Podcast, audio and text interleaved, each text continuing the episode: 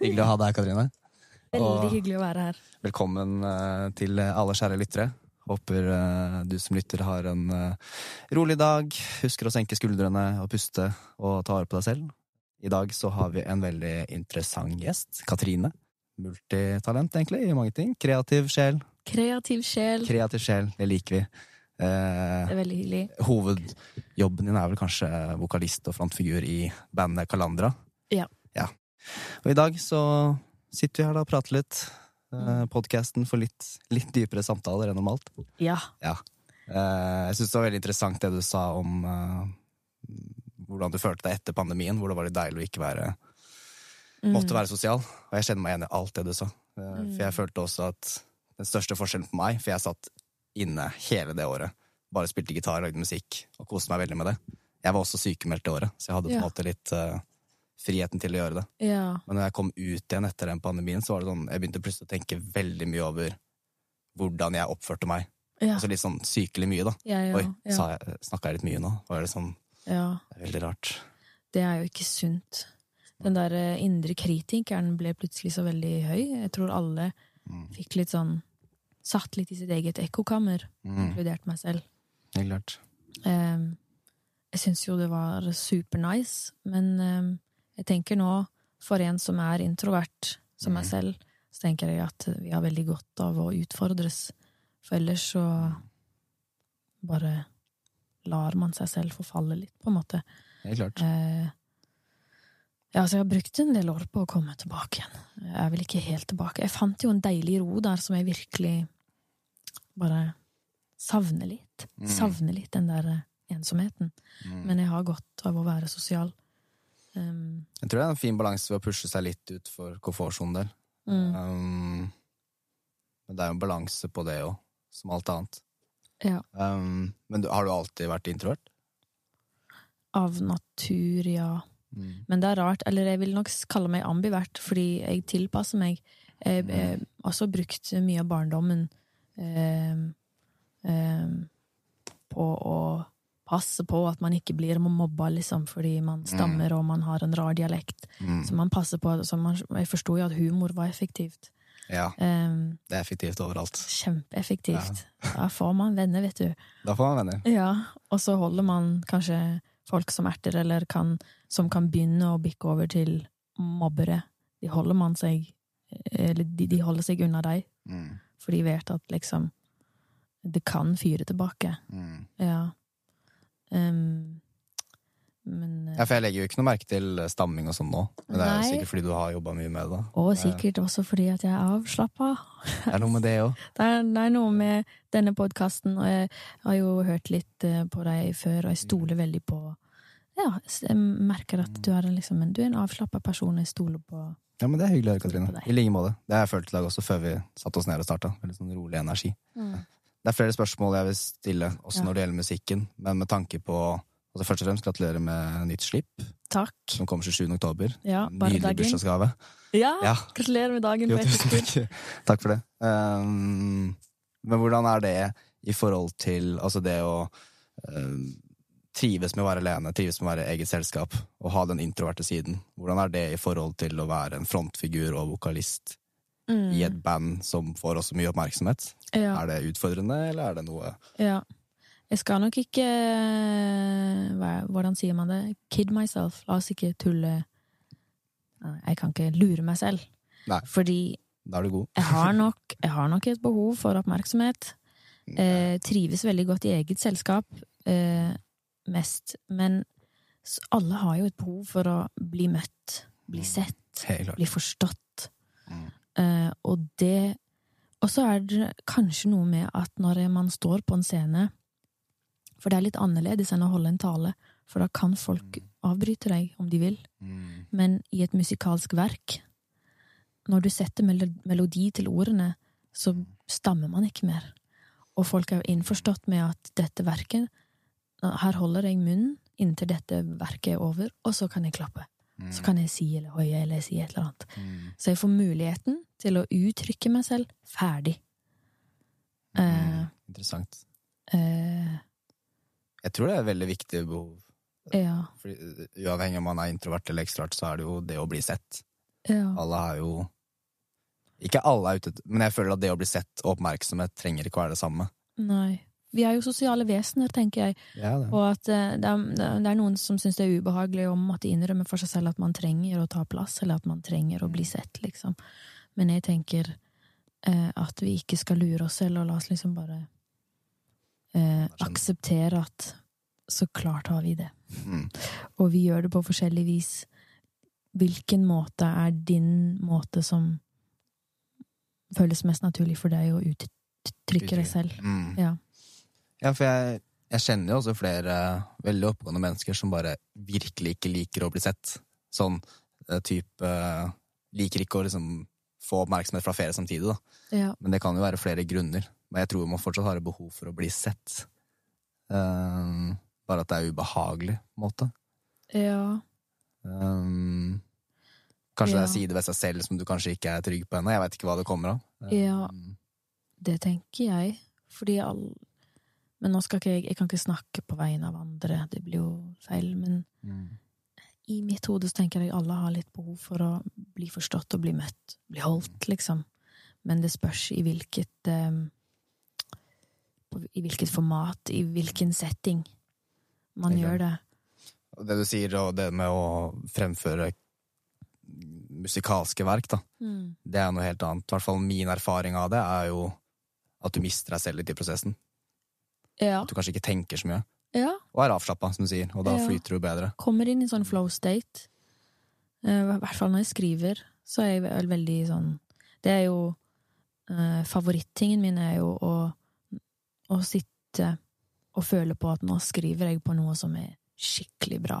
Mm. Eh, å opptre foran folk eh, kan være fint, men det kan også være ekstremt skummelt. For meg er det litt mer jobb Mm. enn å skrive musikk. Um, jeg har en koreografi i hodet mitt, litt sånn hvordan jeg oppperformer, og Mm. hvilken bevegelser jeg gjør når til hvilken tekst, liksom. Eh, Men jeg mister meg selv i det òg, og det er en fin ting, for da slipper jeg å tenke på med menneskene som er der. Noen ganger så klarer jeg å ta de inn, og da blir det skikkelig fint. Nesten litt Mm. for fint. Jeg har knekt på scenen live. Du har det? Ja, det har skjedd. Og da er det sånn åh, dæven. Hun klarte å nå inn til meg. Mm. Når det sitter noen helt framme med, med sånn klantra T-skjorte. det er jo veldig Ja, er egoistisk på en måte, men det er liksom noe med at man kanskje føler at å, shit, du ser meg faktisk, og så kan de teksten. De ser deg rett i øynene, og så, har, og så gjør de liksom sånn her. Mm, da, Da blir det sånn den forståelsen, connection, bare eh, Og så er man eh, i München. Det var i München det jeg var da. Mm. Eh, og så er jeg sånn Her er en person i et helt annet land som kan teksten, og hun synger virkelighetens etterklang på norsk til beste evne. Det er ganske Det er jo en sånn- lik følelse. Tror jeg. Så må jeg liksom bare se på Jogeir og Florian, bare sånn ikke. Gråt! Ikke gråt! Og så ser jeg på Jogeir, og så tenker jeg sånn Jeg kan ikke se på Jogeir, for da knekker jeg, så jeg må se på Florian, for han? Det det han, han, han er ikke kjæresten min. Så var det sånn OK, Florian, og han bare Ja, det, Kom igjen! Dette går bra! Kom igjen! Og da er jeg bare sånn Ja da! Dette får vi til! Ja, for jeg tror jo ja, for vi, Det er jo kanskje forskjell på liksom å få tårer og bli rørt enn å knekke. For da klarer man ikke helt å kanskje fremføre det man skal fremføre. Jeg blir Ja, jeg kan Altså Jeg er Jeg er en veldig eh, ugly crier, men hvis jeg først knekker, da kan det være veldig vanskelig for meg å komme tilbake. Jeg mm, må jobbe veldig hardt innvendig med å liksom bare La det komme ut. Ja, men også prøve å stoppe det. Fordi eh, Mm. hvis jeg først åpner den porten, så kan det bare holde på i litt for lenge. Jeg kjenner meg igjen. Jeg vet ikke hva du legger i ordet ugly crier, men jeg er veldig sånn Hvis jeg skal prate, og så begynner jeg å gråte samtidig, da får jeg sånn derre Jeg klarer ikke å prate. Jeg er bare sånn, ok. Ja. Ja, jeg får veldig hovne, hovne øyne. Rød nese. Litt sånn, Det ser, ser ut som jeg har litt sånn fylte lepper. Veldig røde. det er sånn? morsomt. Det er veldig gøy. It's not Ja. good. Nei, kanskje ikke så gøy akkurat der og da, men det er interessant. Nei. Altså Gråt som latter. Alle har jo en unik gråt og latter. Det er jo en identitet av deg. Ja. Men som du sier, da, det må jo være en utrolig unik og vakker følelse, det å reise til et annet land, spille noe du har vært en stor del av å skape, Mm. og så se at noen faktisk Det har hjulpet dem, da. Ellers så Ja. hadde de ikke stått der med den T-skjorta, og gitt deg et hjerte og Nei, sunget med. Det må jo være en ganske profound følelse. Hvis det er det. Jeg kan gråte meg selv i søvn jeg, av, av de tankene der. Eller at det liksom har skjedd. Mm. Eh, For det er noe av det vakreste. Da man, jeg tror mange eh, musikere og låtskrivere og artister eh, kan noen gang kjenne på en sånn følelse av at man ikke bidrar nok i samfunnet, at man ikke bidrar nok i verden. Mm. Eh, og det er ikke det fordi vi ikke evner. Eh, det er bare at eh, denne driven til å uttrykke og til å skape er så veldig mye større enn å jobbe med noe politisk som kunne vært mye viktigere. Ja. um, så eh, når man får en bekreftelse på at uh, um, det man skapte for seg selv, for å heale seg selv, at det hadde en effekt på noen andre, så bare å Da får jeg en følelse av at ok, Mm. det er viktig. Det er noen andre som syns at dette er viktig. Og det Da, da får jeg en sånn Det, er, det jeg gjør, er, eh, en verdig bruk av min tid og en verdig bruk av mitt liv som jeg har fått på denne jorden. Og det er godt nok. Ja. Jeg tror det er en av de største. Altså, vi snakka litt om det tidligere i dag, at det er folk bidrar på forskjellige måter. Og det er viktig. For det er eh, Noen trenger tekster og musikk for å bli heala. Noen trenger eh, Ja. bare andre perspektiver. Mm. Men jeg, jeg, tror det er en superviktig jobb, det å være kreativ eh, og det å være sanger. Like viktig som andre ting. Ja. Jeg... For meg er det Jeg har jo liksom skjønt Jeg har hatt mange forskjellige typer deltidsjobber, og har fremdeles deltidsjobber for å få det hele til å gå rundt. Men, eh, og jeg har skjønt at jeg er ikke Jeg har det ikke så bra med meg selv eh, som eh, Som når jeg eh, Som når jeg skaper selv. Da, da har jeg det ordentlig bra. Mm. Eh, da føles det riktig. Eh, Hvordan balanserer du det med å jobbe kreativt og ha mye ansvar der, samtidig som du ha deltidsjobber? Føler du at det er noe du har en balanse over, eller er det Det, det høres ut som det er mye fordi du, har- du har fire jobber til sammen, har du ikke? det? ja. Det er ganske mye. Hvordan eh, Utenom Kalandra så har jeg tre jobber, og det er liksom så Kalandra AS. Jeg har starta selskap i år, i 2023. Gratulerer. Takk. Veldig skummelt. Eh, Ja, men det er skatt og sånn, vet du. skatt og sånn, heldigvis så skal ikke jeg gjøre det. Han ene trommisen i bandet vårt, eh, Oskar, han liker tall. ja, jeg kjenner noe sånn, ja. Det er veldig rart. Det er gull. Takknemlig for de menneskene. Takknemlig. det er gull å starte band med folk som er litt forskjellige fra en selv, altså. For da får du en sånn eh, Det er det samme med De sier at fotballag med bare enere ikke er et bra lag. Det Du må det. ha Altså. en folk med forskjellige Noen må jo kunne ville serve, mens andre skal score. Mm. Det er liksom Ja. Men eh, poenget var tilbake til eh, jobb, ja. Eh, eh, ja, jeg er jo også personlig assistent for en jente i rullestol. Det har jeg gjort i seks år. Og så eh, jeg jobber jeg av og til på Four Sound eh, i Oslo, av og til Skausplass, av og til Kongens gate. Ja. Og så klipper jeg en podkast som kommer. Vi bare prøver å finne riktig, for, eh, riktig format å putte på. Um, um, jeg, eh, jeg har en fysisk bok, så jeg skriver alt ned fysisk. Det gjør at jeg husker ting bedre. Liker ikke å ha det på telefon eller Mac, selv om jeg også har det, veldig mye av det. Men Mm. når jeg har boken min, da Det er et sånt lite ritual jeg har for meg selv, at jeg sitter liksom hver helg og blar litt. Og liksom planlegger litt sånn hva som kommer. Mm. Og det gjør at jeg husker veldig mye, at jeg har stort sett veldig god kontroll. Mm. Jeg er også heldig på den måten at jeg har deltidsjobber hvor sjefen jeg jobber for, har forståelse for at min passion ligger i musikk, og ikke nødvendigvis i den jobben. Mm. Men at jeg kan gjøre en god jobb for det, at eh, det er en jobb jeg trives i. Og det å bli møtt på det Mm. tror også gjør at jeg trives i den deltidsjobben bedre, fordi jeg blir sett, jeg blir forstått. Mm. Så når en sjef er sånn ja, ja, så klart at du satser på musikk, det går helt fint, vet du, det heier vi på. Eh, veldig hyggelig at du vil jo jobbe her hos oss eh, for det. Mm.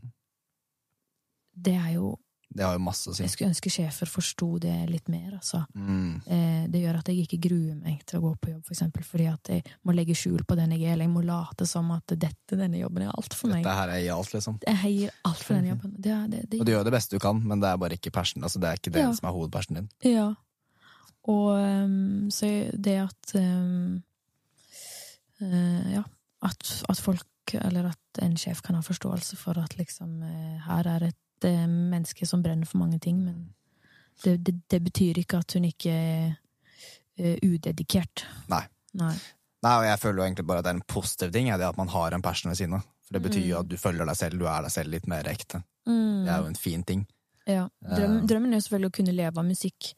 Og det har den vært lenge, men jeg skal ikke leve av musikk for enhver pris heller. Jeg skal ikke leve fattig, jeg skal ikke ha det ubehagelig. Nei. Så jeg tar heller og jobber i deltidsjobben min litt for lenge til at den balansen blir Mm. litt mer sømløs og litt fin. Støtte. Så jeg vil heller ha de deltidsjobbene litt lenger enn å være sånn Jeg lever av musikk, liksom. mm, I kjelleren min. Det er Det er kaldt. Iskaldt. Spiser nesten ikke, jeg faster hele tiden. Ja, men jeg, jeg, jeg tror det er veldig viktig, fordi hvis man er der, så vil jo kanskje ikke kunsten man skaper, bli like god som den potensielt sett kan bli, Ja, det har jeg lurt litt på. Altså, noen låter er jo blitt til fordi at man jobber, og det er litt hardt og litt tøft, Det er liksom. sant. Naiv er en låt jeg har som er sånn Den starter med liksom A constant uphill run. Mm. Um, Uh, nå har jeg glemt teksten til min egen låt. Constant uphill. Constant uphill run. Uh, uh, uh, Åh, husker jeg ikke. Eh, instead of being ever comfortably numb. Mm. Ja. Mm. Uh, better than being ever comfortably numb. Ja.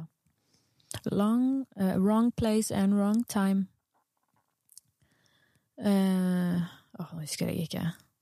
Det er vanskelig ganger, da. Når du har skrevet hundrevis av kanskje tusen låter i løpet av Ja. livet. eller noe, så Jeg tror jeg er i en litt annen setting, for hadde jeg vært på øvingsrommet nå, så hadde det bare kommet, Kommet ut, spyttet ut, vet du. Men du ser jo hva slags rom vi er i, da. Ja, Nå henger ikke gitaren her. Men... ja, når man sitter og snakker om sånne dype, indre ting, så plutselig detter Ja, man kommer i en annen sted. Men jo, det er jo noe du sier der. Altså, det har jo kommet veldig mye bra kunst ut av litt struggle òg. Altså Ja. suffering, da. Ja. Um, Tror det er- ofte kanskje kan det være en god inspirasjon, og i hvert fall ha vært igjennom det. Ja, tror det kan være litt sunt. Hvordan ser du på det med å kunst ut fra å ha en god følelse eller vonde følelser? Her bruker du det som et verktøy noen ganger? Ja. Og et oppfølgingsspørsmål til det, bare. Ved å For jeg har jo hørt en del av tekstene dine, og det er jo um, Det er mye dypt. Så har du følt noen ganger at um, din erfaring med å skrive tekster har også ført deg nærmere dine egne følelser? At du liksom har blitt bedre kjent med deg selv på dypere nivå ved å skrive tekster? Ja. Ja. Det er veldig interessant at du sier, fordi det kan ta meg uker, måneder og noen ganger, noen ganger år til å forstå hva jeg egentlig prøvde å si der i den teksten. Mm. Jeg hadde det øyeblikket med Bardagen for noen dager siden nå, så satt jeg og hørte på det siste refrenget, som er Galdrin min munjalla, galdrin min skaljalla. Aua bragd fyrer, ser eh, Aui fyrer mer, som er Sangen min må gjalle, sangen min skal gjalle. En e et øyeblikk for deg var en evighet for meg. Mm. Og så bare sitter jeg og tenker på det at eh, For jeg jobbet, jeg jobbet for øvrig sammen med en annen eh, skribent her som kan norrønt og er veldig flink, og han heter Alexander Lykke, så jeg har ikke skrevet den teksten helt selv, men han, eh, vi satt og liksom debatterte, og han var Jeg har jo gitt han min visjon, Kult. men han putta nok seg selv kreativt inn i den teksten òg. Men jeg innså plutselig bare fy fader, ja. Det var et øyeblikk for deg, og det var en frikkings evighet for meg. Mm. Eh, og så innså jeg litt sånn hvem den kanskje handler om, og hva det handler om for meg, og så fikk det en helt ny betydning. Så var jeg sånn Wow. Ja, kanskje jeg har vært litt aggressiv i år. Kanskje det har vært et Mm. litt tøft år, faktisk. Mm. Kanskje det har føltes som en evighet. Og så bare Ja, kanskje. Kanskje jeg på et ubevisst plan Kanskje det var det det handla om. Det som dukka opp. Ja. ja. Det ja. er veldig interessant, da. For jeg, jeg føler også at det er flere ganger jeg har skrevet tekster, og så innser jeg det ikke Eller kanskje ikke så mye med sangtekster, men mer enn hvis jeg skriver ned drømmer. Mm. Så er det sånn, jeg skjønner ikke hva det her eh, skal bety, liksom. Men jeg skriver ned for det. For du Så skjønner jeg ikke en dritt. Men etter fire, fem, seks uker så går jeg tilbake og leser drømmedagboka. Da skjønner jeg alltid helt klinkende klart hva underbevisstheten egentlig prøvde å fortelle meg. Ja. At det liksom kom, Noen ganger kommer informasjonen litt opp på overflaten, og så skjønner man kanskje ikke helt hvorfor. Men ved å gå tilbake, sånn som du nevner nå med sangtekster, det er veldig interessant. Ja. Jeg kan høre en låt på ny liksom sånn to, to år etter, og så setter jeg den på på Spotify. Vi skal, kanskje jeg sitter og skal planlegge en settliste for en festival eller noe, og da går jeg gjennom musikken vår, og så plutselig blir man sittende og lytte litt, og så får man en sånn ding! Ja. Men hvor lenge har du liksom, hvor lenge har du, eh, for å spørre spørsmål tilbake, hvor lenge har du eh, holdt på med liksom drømmetyding og skrevet Tyding. ned drømmer? Jeg eh, må tenke Det er vel fire år? Tre- Ja, tre-fire år. Mm. Og starta vel egentlig med det bare for Jeg syntes det var interessant. Følte mm. at det var en eh, Det var jo for fire-fem år siden, og jeg tenkte sånn Nå må jeg snu litt. Jeg har lyst til å gå litt innover. Finne ut mer om meg selv. Bli mer kjent med meg selv. Mm. Um, og da følte jeg det var en fin vei å starte, for hva er drømmer egentlig? Det er jo ingen som egentlig helt vet hva det er, sånn Nei. hvorfor vi har det, da. Mm. Uh, og når jeg begynte å skrive, så følte jeg at jeg huska mer og mer. For hver gang jeg satte meg ned. Altså, jo, en ting var at Jeg kunne bare huske at jeg var i et rom og møtte en person, og så skrev jeg ned det. Og da huska jeg flere og flere detaljer.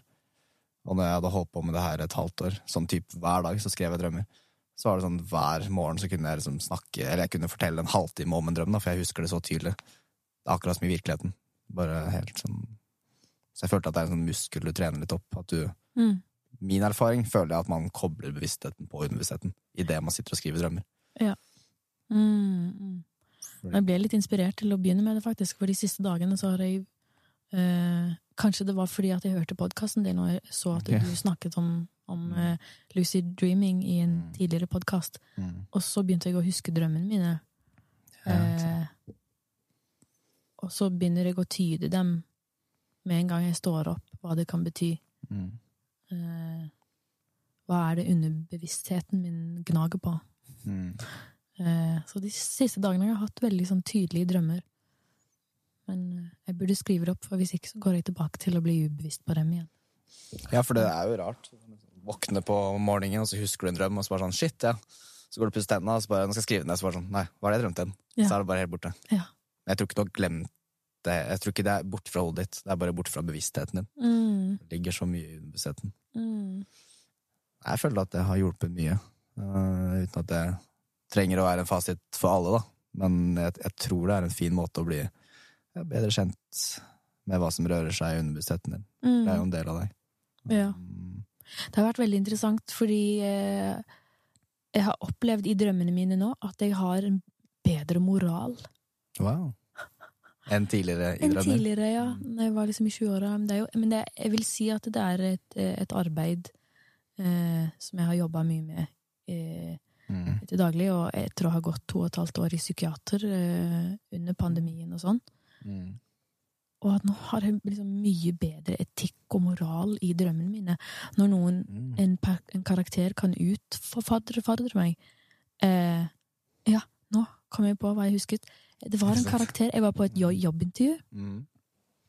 og så tar Vi er på en bar, slags sånn burger place, og det er kaos, og det er litt sånn metalliske lyder og sånn. Og så tar han fram en linje med hvitt pulver, og så snorter han det, og så sier han 'skal du ha'? Og du bare Og så tenker jeg sånn, dette er et jobbintervju, og så bare ser jeg på han sånn, wow, dette var uproft. Og så bare sier jeg, nei, det skal jeg ikke. Og så går jeg derfra, så bare sier jeg sånn, jeg tror ikke denne jobben er noe for meg. Nei. Versus når jeg var 20, så kanskje det var sånn, Fuck yeah! Ikke sant? men nå er det liksom sånn, Nei, det skal jeg ikke. Og så er det sånn, det er en drøm! Jeg er fri til å gjøre hva jeg vil. Ja, ikke sant? Men det skjønner du kanskje ikke der og da. Men Skjønte du der og da at du drømte, eller var det jeg våkna, så var det sånn wow! Hader, ass. Skulle du bare kjørt på. Nei. Jeg takka nei!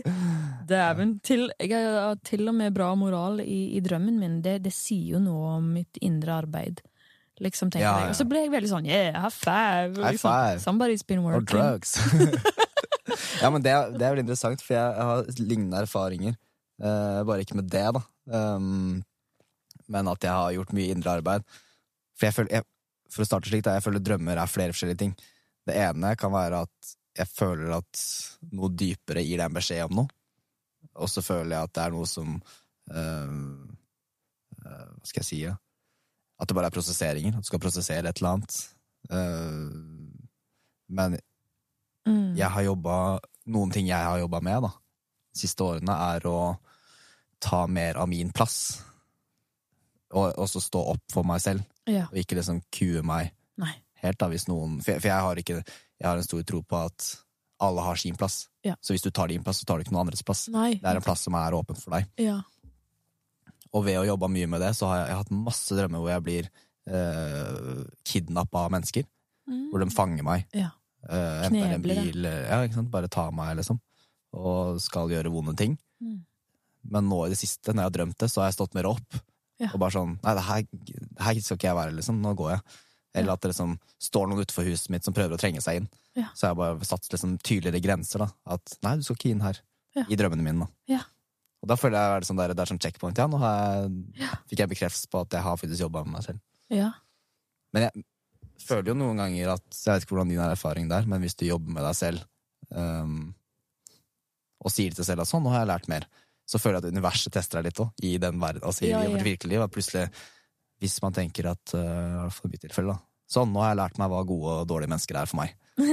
og så bare kommer det eh, noen inn i livet som Ja. du bare Eller så blir du selv utfordret på sånn Er du egentlig så god som du tror du er? mm, Det òg, ikke sant. Det er sånn, «Ja, ja, ja, ja, ja, nå må jeg si unnskyld, ja. Nå har jeg vært litt krass, ja. Der var jeg Nå var jeg litt krass, ja. Ikke sant? Mhm, mhm, Gå litt inn mhm. i deg selv. Mm.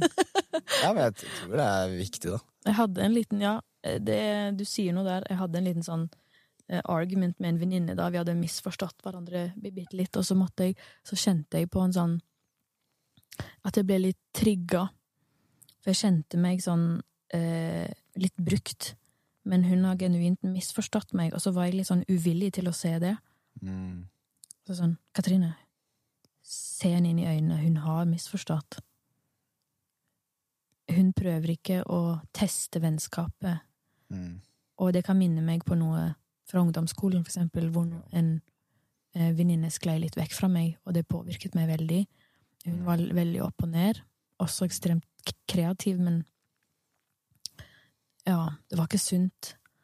Og så um, Og så når jeg merker at andre venninner kan ha lignende traits, Mm. så blir jeg trigga, og så tenker jeg å, hun vil meg vondt. Mm. Jeg visste det, hun ville bare inn i min innerste, og så ville hun bare inn og så twist the knife, liksom. Ikke sant? Og så må jeg liksom bare se på meg selv at sånn, verden handler ikke alltid om hva alle andre gjorde mot deg. Av og til så handler verden om hva du har gjort mot andre. Nå må du se, nå må du våkne opp her. Hun har tårer i Mm. øynene, hun vil at dette vennskapet skal fungere. Så er det sånn Og så må man liksom sitte, og så, og så eh, demrer det for meg at jeg må liksom jeg må åpne, fort, Fortsett å åpne deg. Ikke steng, ikke steng døren, ikke bygg den muren opp igjen. Fortsett å åpne, åpne deg. Eh, og så, ja, så klarte jeg det, og så, så satt jeg og så fortalte jeg henne om min trigger. Så akkurat nå så opplever jeg det sånn og sånn. Jeg får en trigger fordi det minner meg om noe som har skjedd. Du minner meg om henne. Jeg vet, jeg håper at du ikke er sånn. Mm. Uh, ja. Jeg er lei for at eh, For at eh, For at du har følt at, det, at du ikke betyr noe for meg lenger. For det, det, det gjør du. Og så bare hadde vi et veldig sånn fint øyeblikk. Og så har det tatt litt tid å komme tilbake, for vi ble litt usikre på hverandre begge to. Eh, men så har vi liksom kommet tilbake og bare liksom vist hverandre kjærlighet. Eh, Fint. hun har gitt meg min favorittsjokolade, og jeg har Da er det greit, eh, Vi har liksom spilt musikk sammen, og da var det sånn Mm. Ok, it's all, It's good, it's good, liksom. Men det var en veldig lærerik prosess. Ja. Det, for meg så høres det ut som bare et veldig høyt bevissthetsnivå da, i deg. At du klarer å se den også, for jeg tror det er veldig normalt at uh, vi mennesker kan såre hverandre, og så tar man det personlig. Men så går man ikke dypere, man stopper der og tenker sånn åh, Ja. jeg ble irritert med personen, Ja. men så handler det ikke om det i det hele tatt. ja. Jeg tror veldig mange altså Det er veldig mye snakk om sånn pass, Bli kvitt eh, giftige folk, hvordan eh, observere en narsissist, og liksom det handler alltid om sånn hva andre gjør mot deg hele tiden. Og også i musikk òg, og det er jo sånn vi relaterer. liksom Taylor Swift, I knew you were trouble when you walked in. Liksom. Men nå snakker Taylor Swift litt mer som eh, It's me, hi, I'm the problem, it's me. Uh, uh, must be exhausting, always rooting for the antihero. Uh, jeg liker til, Jeg har begynt å like Taylor Swift den eh, sommeren. Ja. Eh, Jeg bor med noen superfans, som Å, ja. også så jeg har Ja, ja. eh, Nå bare sånn, jeg respekterer henne mer nå. mm. For etter liksom det skiftet i selvinnsikt, så er det sånn oh, nå begynner vi å liksom Ja, nå, nå blir Ja, hun har hatt det den siste Ut, ut fra låtskrivingen Jeg aner ikke. Altså, jeg kjenner jo ikke eh, Taylor Swift i det hele tatt. Men ut fra låtskrivingen som jeg observerer, og som jeg leser fra tekstene, så er det sånn Nå er det Nå begynner vi Nei, dette er et annet kaliber. Ja. Ja, men jeg syns det er litt interessant, det du sier der. Og ja, for å ta det litt tilbake til den situasjonen du nevnte, så er det jo litt sånn så fint å kunne gå i den dybden og innse at på en måte, her var det ikke noe intensjon om å såre hverandre. Mm. Det bare ble sånn. Jeg stiller meg ofte det spørsmålet, og også med sånn kulturell appropriasjon, eh, eh, Mm. historisk korrekthet, politisk korrekthet. som men hva er denne personens intensjon? Er det nødvendig å, å hoppe på? Hvis jeg ser personens intensjon, så tenker jeg at eh, vi skal være forsiktige med å dømme.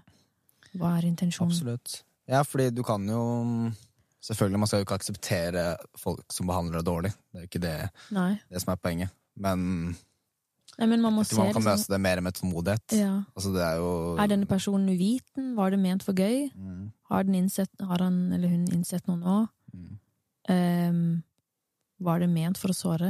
mm. Nei, det var jo ikke det. Det var bare Aller mest sannsynlig ikke. Nei. Og hvis, hvis det var det, hvis noen på en måte går ut etter å såre deg, man enten det er verbalt eller fysisk, så skal man jo sette grensene sine.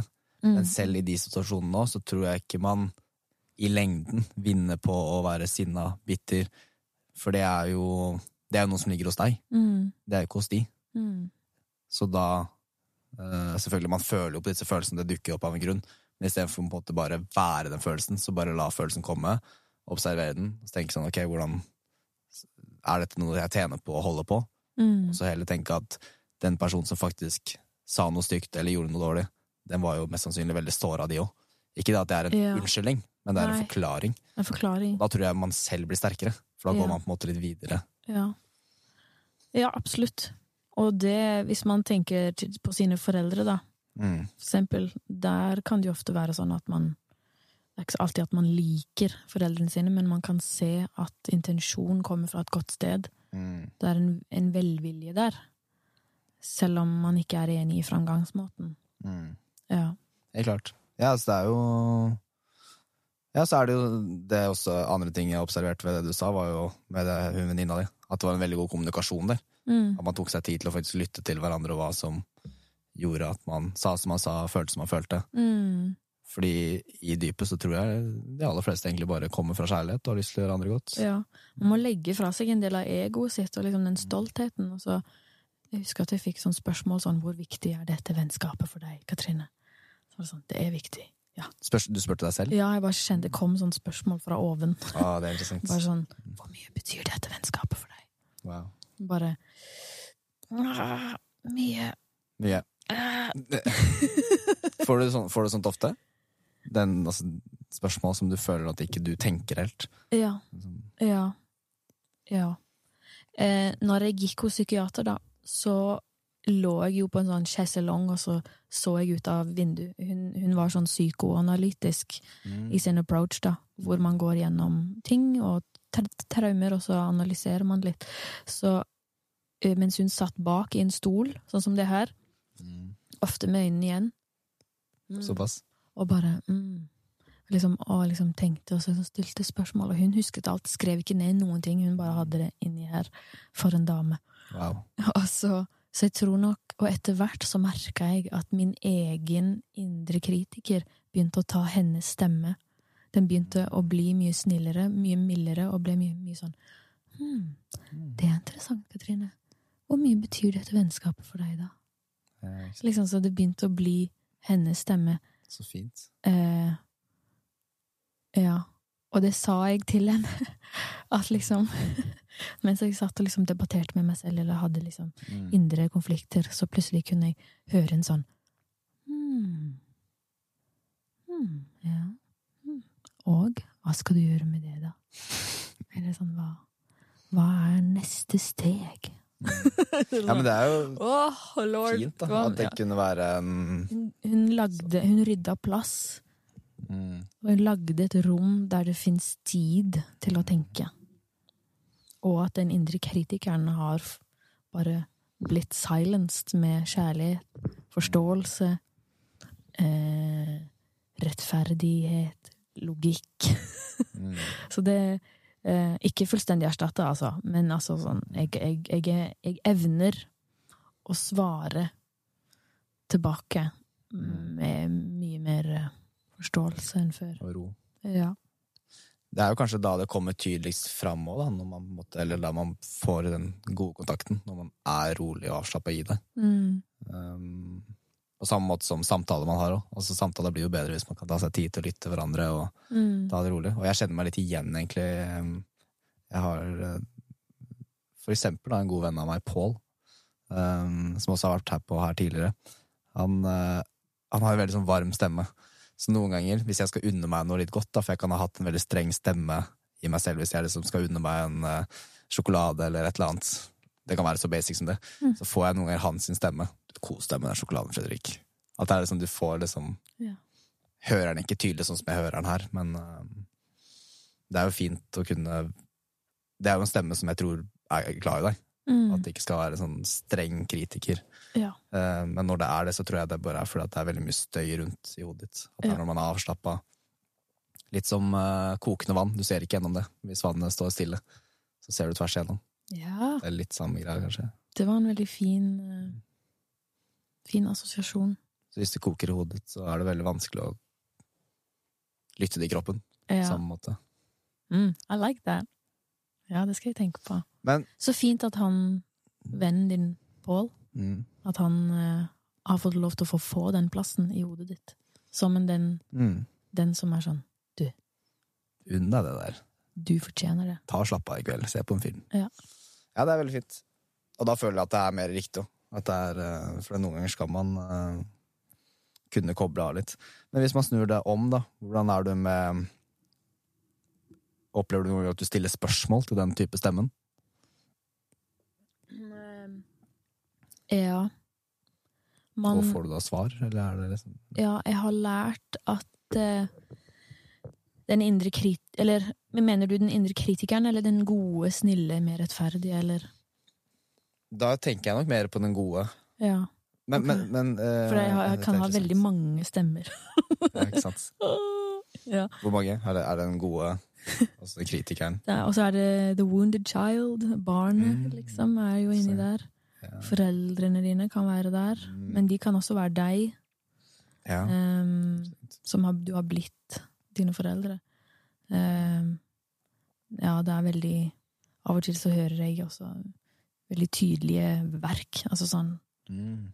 spille veldig høyt. Jeg har um, Jeg har en veldig høylytt hjerne noen ganger, og ehm, eh, jeg merker spesielt hvis jeg døgner, hvis, eh, hvis klokken blir fire, Mm. og det her er når jeg ikke er på fest, eller hvis jeg sitter oppe, eller, eh, Mm. eller jeg er på jobb og har en nattevakt, for eksempel. Når klokken blir fire, da begynner eh, hodet mitt å leve på et helt annet plan, som jeg Ja. tror eh, ikke er sunt. Eh, da har jeg begynt å høre min egen stemme, eller andre stemmer. Være sånn Mm. Hei. Bare husk å stå opp. Eller, eller, eller så sier de mitt eget navn. Mm. Og nå merker jeg at det var vanskelig å si mitt eget navn. Jeg merker at jeg, får, Mm. at jeg kjenner at stammingen tar litt over. Så jeg må bare sette, sette ord på det. Men det er sånn Nei, jeg får det ikke til. Jeg klarer ikke å si mitt eget navn. Eh, Men jeg- de stemmene sier mitt navn Mm. høyt inni, inni, inni hodet mitt. Eh, og det føles som om det er Her. her og nå. Mm. Ehm, og eh, Ja. Og da har jeg Jeg har begynt å forstå at eh, hvis jeg hadde vært innlagt Mm. noen ganger Eller se for deg at det var lenger før i tiden, da at man var inn innlagt i sånn asylum. Mm. Jeg har hadde nok hatt veldig gode evner. Eh, Jeg har nok bra anlegg for å bli gæren, tror jeg. Eh, fordi min indre verden er så rik. Det skjer så mye. Um, ja. Så det er, det, det er ikke noe jeg eh, har vært så um, så happy med, for man vil jo ha en sterk syke. Men når jeg ser på eksempel Kompani Lauritzen, og de døgner, og de skal sitte opp og holde seg våkne, og skal de se ut i, i, i den åkeren midt på natta, da hadde nok jeg begynt å liksom se eh, diverse rare ting, og hørt andre stemmer, og hørt flere stemmer av meg i den åkeren Mm. som snakket til meg. Det Ja. Men det skjer altså bare når jeg begynner å bli trøtt, altså. Så til vanlig så går det stort sett greit. Mm. Ja. Jeg, jeg bare Jeg, jeg syns det er veldig interessant, -hmm. det du sier der. Um, men jeg, jeg, jeg ser på sånne ting som evner.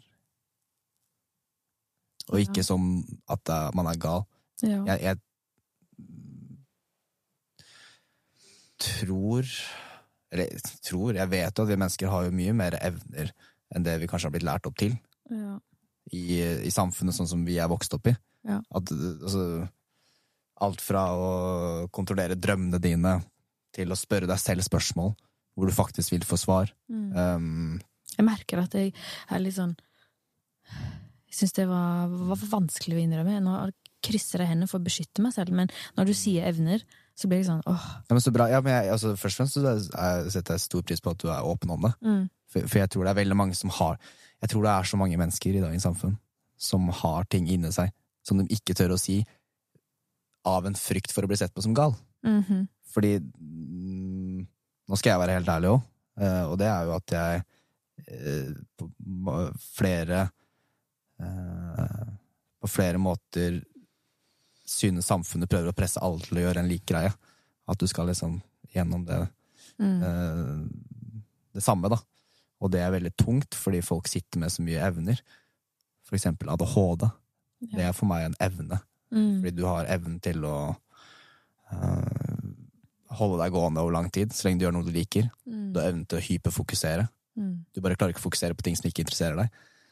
Men hvis et barn kommer inn i skolesystemet i dag med det, så er du syk. Da er det barnet som er feil. Det er barnet som må uh, ta medisiner. Uh, så, noen ganger hjelper jo det, så jeg skal ikke si at det er helt svart-hvitt. Men når det gjelder det med stemmer, noe jeg har oppdaget med meg selv i det siste, at jeg har uh, stemmer i hodet mitt også, så er ikke det Det er jo en evne, for det er jo Det gir deg jo mer innsikt i hvem du er som person, og jeg tror vi mennesker har så mye i oss. Mm. Men jeg er jo heller ikke noe Jeg blir en smule redd, men samtidig så blir jeg også sånn eh, Jøss.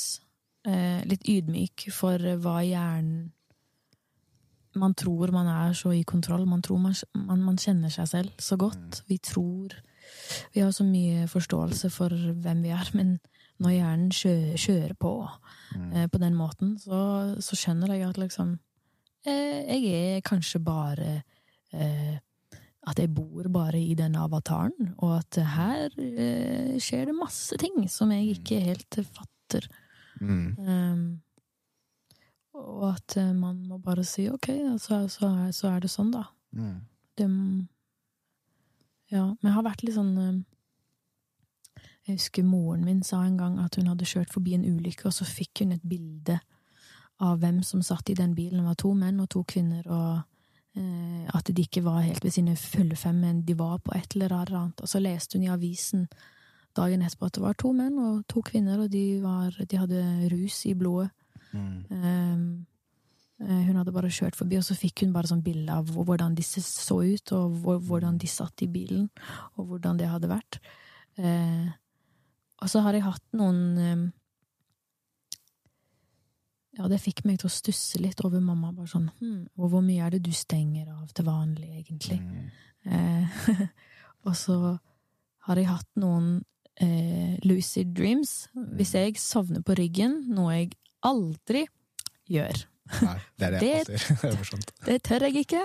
Hvis jeg sovner på ryggen, Mm. da kommer det over meg de mest sinnssyke eh, drømmer og um, eh, Ja, en drøm i en drøm i en drøm. Så jeg, beklarer, jeg klarer ikke våkne Mm. omtrent. Jeg, jeg hadde en drøm hvor jeg møtte liksom Ødegård-slekten på hytta, Mm. og jeg drømte at jeg sov i, i samme seng som min tante, og så var det et vindu som blafra. Og så gikk jeg mot det vinduet for å stenge det, men så var det nesten som om at jeg datt litt gjennom, og så fløy jeg ut. Så kjente jeg gardinen fra det vinduet bare Det var som om at det var her og nå i det virkelige Wow. liv. Den gardinen jeg, jeg, jeg var sånn Jeg drømmer. Jeg, dette er en drøm, for det går ikke an å sveve, faktisk. Men den gardinen var så ekte at jeg ble sånn Å, fy flate. Du, Wow. tuller du med meg, liksom? Og så flyr jeg over en skog, og så er jeg på vei mot hytta, mot Ødegård-slekten, og der sitter det masse damer og er sånn Vi skal, vi skal ha et møte, Katrine. Så bra at du endelig fikk tatt deg tid til å komme hit. wow. Og så var jeg bare sånn Jeg får frysninger, jeg. Nei. Nei. Nei. Jeg har ikke sagt at jeg ville hit. Nei. Grensesetting. Grensesetting! Mm. Nei, jeg er ikke klar for dette. Jeg er redd, jeg er redd, her skal jeg ikke være. Og de var liksom sånn Jo da, sett bare, sett deg ned, bare. Kan du bare lukke døren etter deg? Sånn. Nei. Nei, hold fast i den døren. Den døren her er min dør. Min dørterskel. Wow. Og så jeg bare sånn lukker den døren ut igjen, bare Nei, sa jeg. og så liksom forsvinner det tilbake igjen inn i det vinduet, og så våkner jeg opp i den sengen med, med tanten min. Og så var jeg bare sånn wow, dette Og så tror jeg at jeg er våken her nå, i sengen Ja, med min tante, bare Det var det sykeste. Ja. Ja. Har, du, har du hatt en drømmeføler? Ja, men jeg, jeg, jeg, jeg tror vi bare skal liksom Jeg tror vi bare skal, skal, skal gå dit, ja. Mm. Nei, det Nå legger jeg meg for å sove, og så legger jeg meg for å sove i drømmen. Og så er det vinduet og blafrer, og den gardinen vil ha meg liksom bort. Og så klarer jeg på et eller annet vis å ikke la være, og så gjør jeg det samme en gang til på vei Da over. fyrer du opp. Klarer ikke liksom la være, og så kommer jeg mot den hytta, og så sitter de og venter på meg sånn. Der, ja, skal vi se, er vi klar? Nei! Wow! Du skulle ikke dit. Nei! Og så Og så merker jeg bare sånn at jeg tror kanskje at dette kanskje er en drøm. Og så kommer jeg tilbake til sengen, liksom. Jeg bare uff, tilbake til Ja. sengen med, med tant, tanten min og bare 'Jeg må våkne av denne drømmen her', sier jeg. Hun bare Og sånn 'Ja, men du er jo våken'. Så sånn 'Nei, Ikke ennå. det er jeg ikke'. Og så altså, prøver jeg sånn fysisk å bare Ja, vekke deg selv, liksom. Og så ligger jeg med, med Jogeir her da, hjemme hos meg selv i Oslo, og så bare Se her, Å, fy fader, det var tungt. Ah, Og så er jeg tilbake hos tanten min, så er det sånn Nei! Å, fy fader, det var tungt. Wow. Kl- Klarer ikke. Jeg blir helt sånn Ja. det sånn. Det er den sprøeste drømmen. Og når du sier da det her med eh, mye stemmer, eh, eh, potensial til å bli gæren, eh, og litt evner og sånn, så blir jeg helt sånn eh, Jeg er ikke klar nå. Det er bare det jeg vet, at jeg eh, blir så redd. Mm. Jeg blir så redd. Eh, og jeg, jeg har jo vokst opp uten religion. Mm. Samme. Um, vitenskap og kunnskap er ehm, det man kan stole på, og, det, eh, og når jeg dør, eh, så skjer det ingenting. Mm. Da er jeg borte. Dette er det livet jeg har, og det skal jeg leve på den måten som jeg føler er mest eh, fint for meg. Det er liksom sånn jeg har vokst opp, og det er det jeg lever etter. Mm. Men jeg merker nok at um, det muligens er noe inni meg, og det må jeg akseptere, at det kanskje er en sånn et ønske om å være spirituell som jeg stritter imot. Mm. Jeg stritter imot fordi at det ikke bærer eh, Det bærer ikke noe rot i fornuft. Det bærer ikke noe rot i vitenskap, og det kan jeg ikke stole på. Eh, Alt jeg ikke kan se, eh, det vet man ikke hva er, og det kan man ikke si noe om, så ikke, ikke begynn. Ikke prøv. Eh, Men jeg merker jo at kroppen har nesten som at vi mennesker Altså, kanskje jeg må rett og slett liksom innrømme for meg selv at kanskje vi mennesker har et behov for å være spirituelle. Og så kanskje musikk er det for meg. Kanskje musikken er det sted hvor jeg kan tillate meg å være spirituell, og så kan jeg gjemme meg bak at, at det er musikk, fordi det er noe vi, la, vi skaper i denne verden som er ekte. Musikk er ekte. Eh, Men så er det kanskje noe litt større også, som jeg ikke kan helt se- sette ord på. Det har jeg tenkt, Mm. for å kunne Hvis jeg skal catche meg selv på meg selv. Ja. Mm. Ja, men det er jo litt sånn Når man skaper noe, så er jo det noe som flere måter er større enn deg selv. Eh, Nei, ja, noe som er større enn deg selv. Jeg synes det var veldig interessant det du delte. Drømmen hørtes jo helt insane ut. Den var ganske Ja, det, det hørtes egentlig ut som du hadde sånn astral protection. At du reiste ut av din egen kropp. Ja. Jeg, er også, jeg vet ikke hvor Jeg vil ikke tilbake, merker jeg, men jeg ble jo veldig nysgjerrig, må jeg innrømme. Jeg ble litt nysgjerrig på hva Ja, hva- Hvis jeg er hadde tillatt meg selv, hva kunne jeg oppdage? Ja. Men jeg merka at det var så tungt, og det var så dypt, Mm. at jeg var, en- jeg var redd for å miste meg selv til sinnet. Og at jeg aldri skulle våkne opp ordentlig på samme måte igjen. At, at jeg aldri Mm. Skulle bli den samme igjen. Mm. Det var en sånn grunnleggende og stor frykt. Det kan hende at det jeg kjente på, var frykten for å dø. At, at man dør døde litt. Jeg vet ikke om det er fysisk eller, eller eh, inni en. ja, Ja. sjela, eller hva man skal kalle det. ja, men sånn Mm. Egentlig så Jeg liker jo å tenke at jeg ikke er så redd for å dø, egentlig. Mm. For jeg har det jo godt Jeg har valgt en vei i livet som jeg er fornøyd med, så Mm. Men, men, men kanskje jeg er litt Kanskje det var en sånn dødsfrykt likevel. Jeg vet ikke.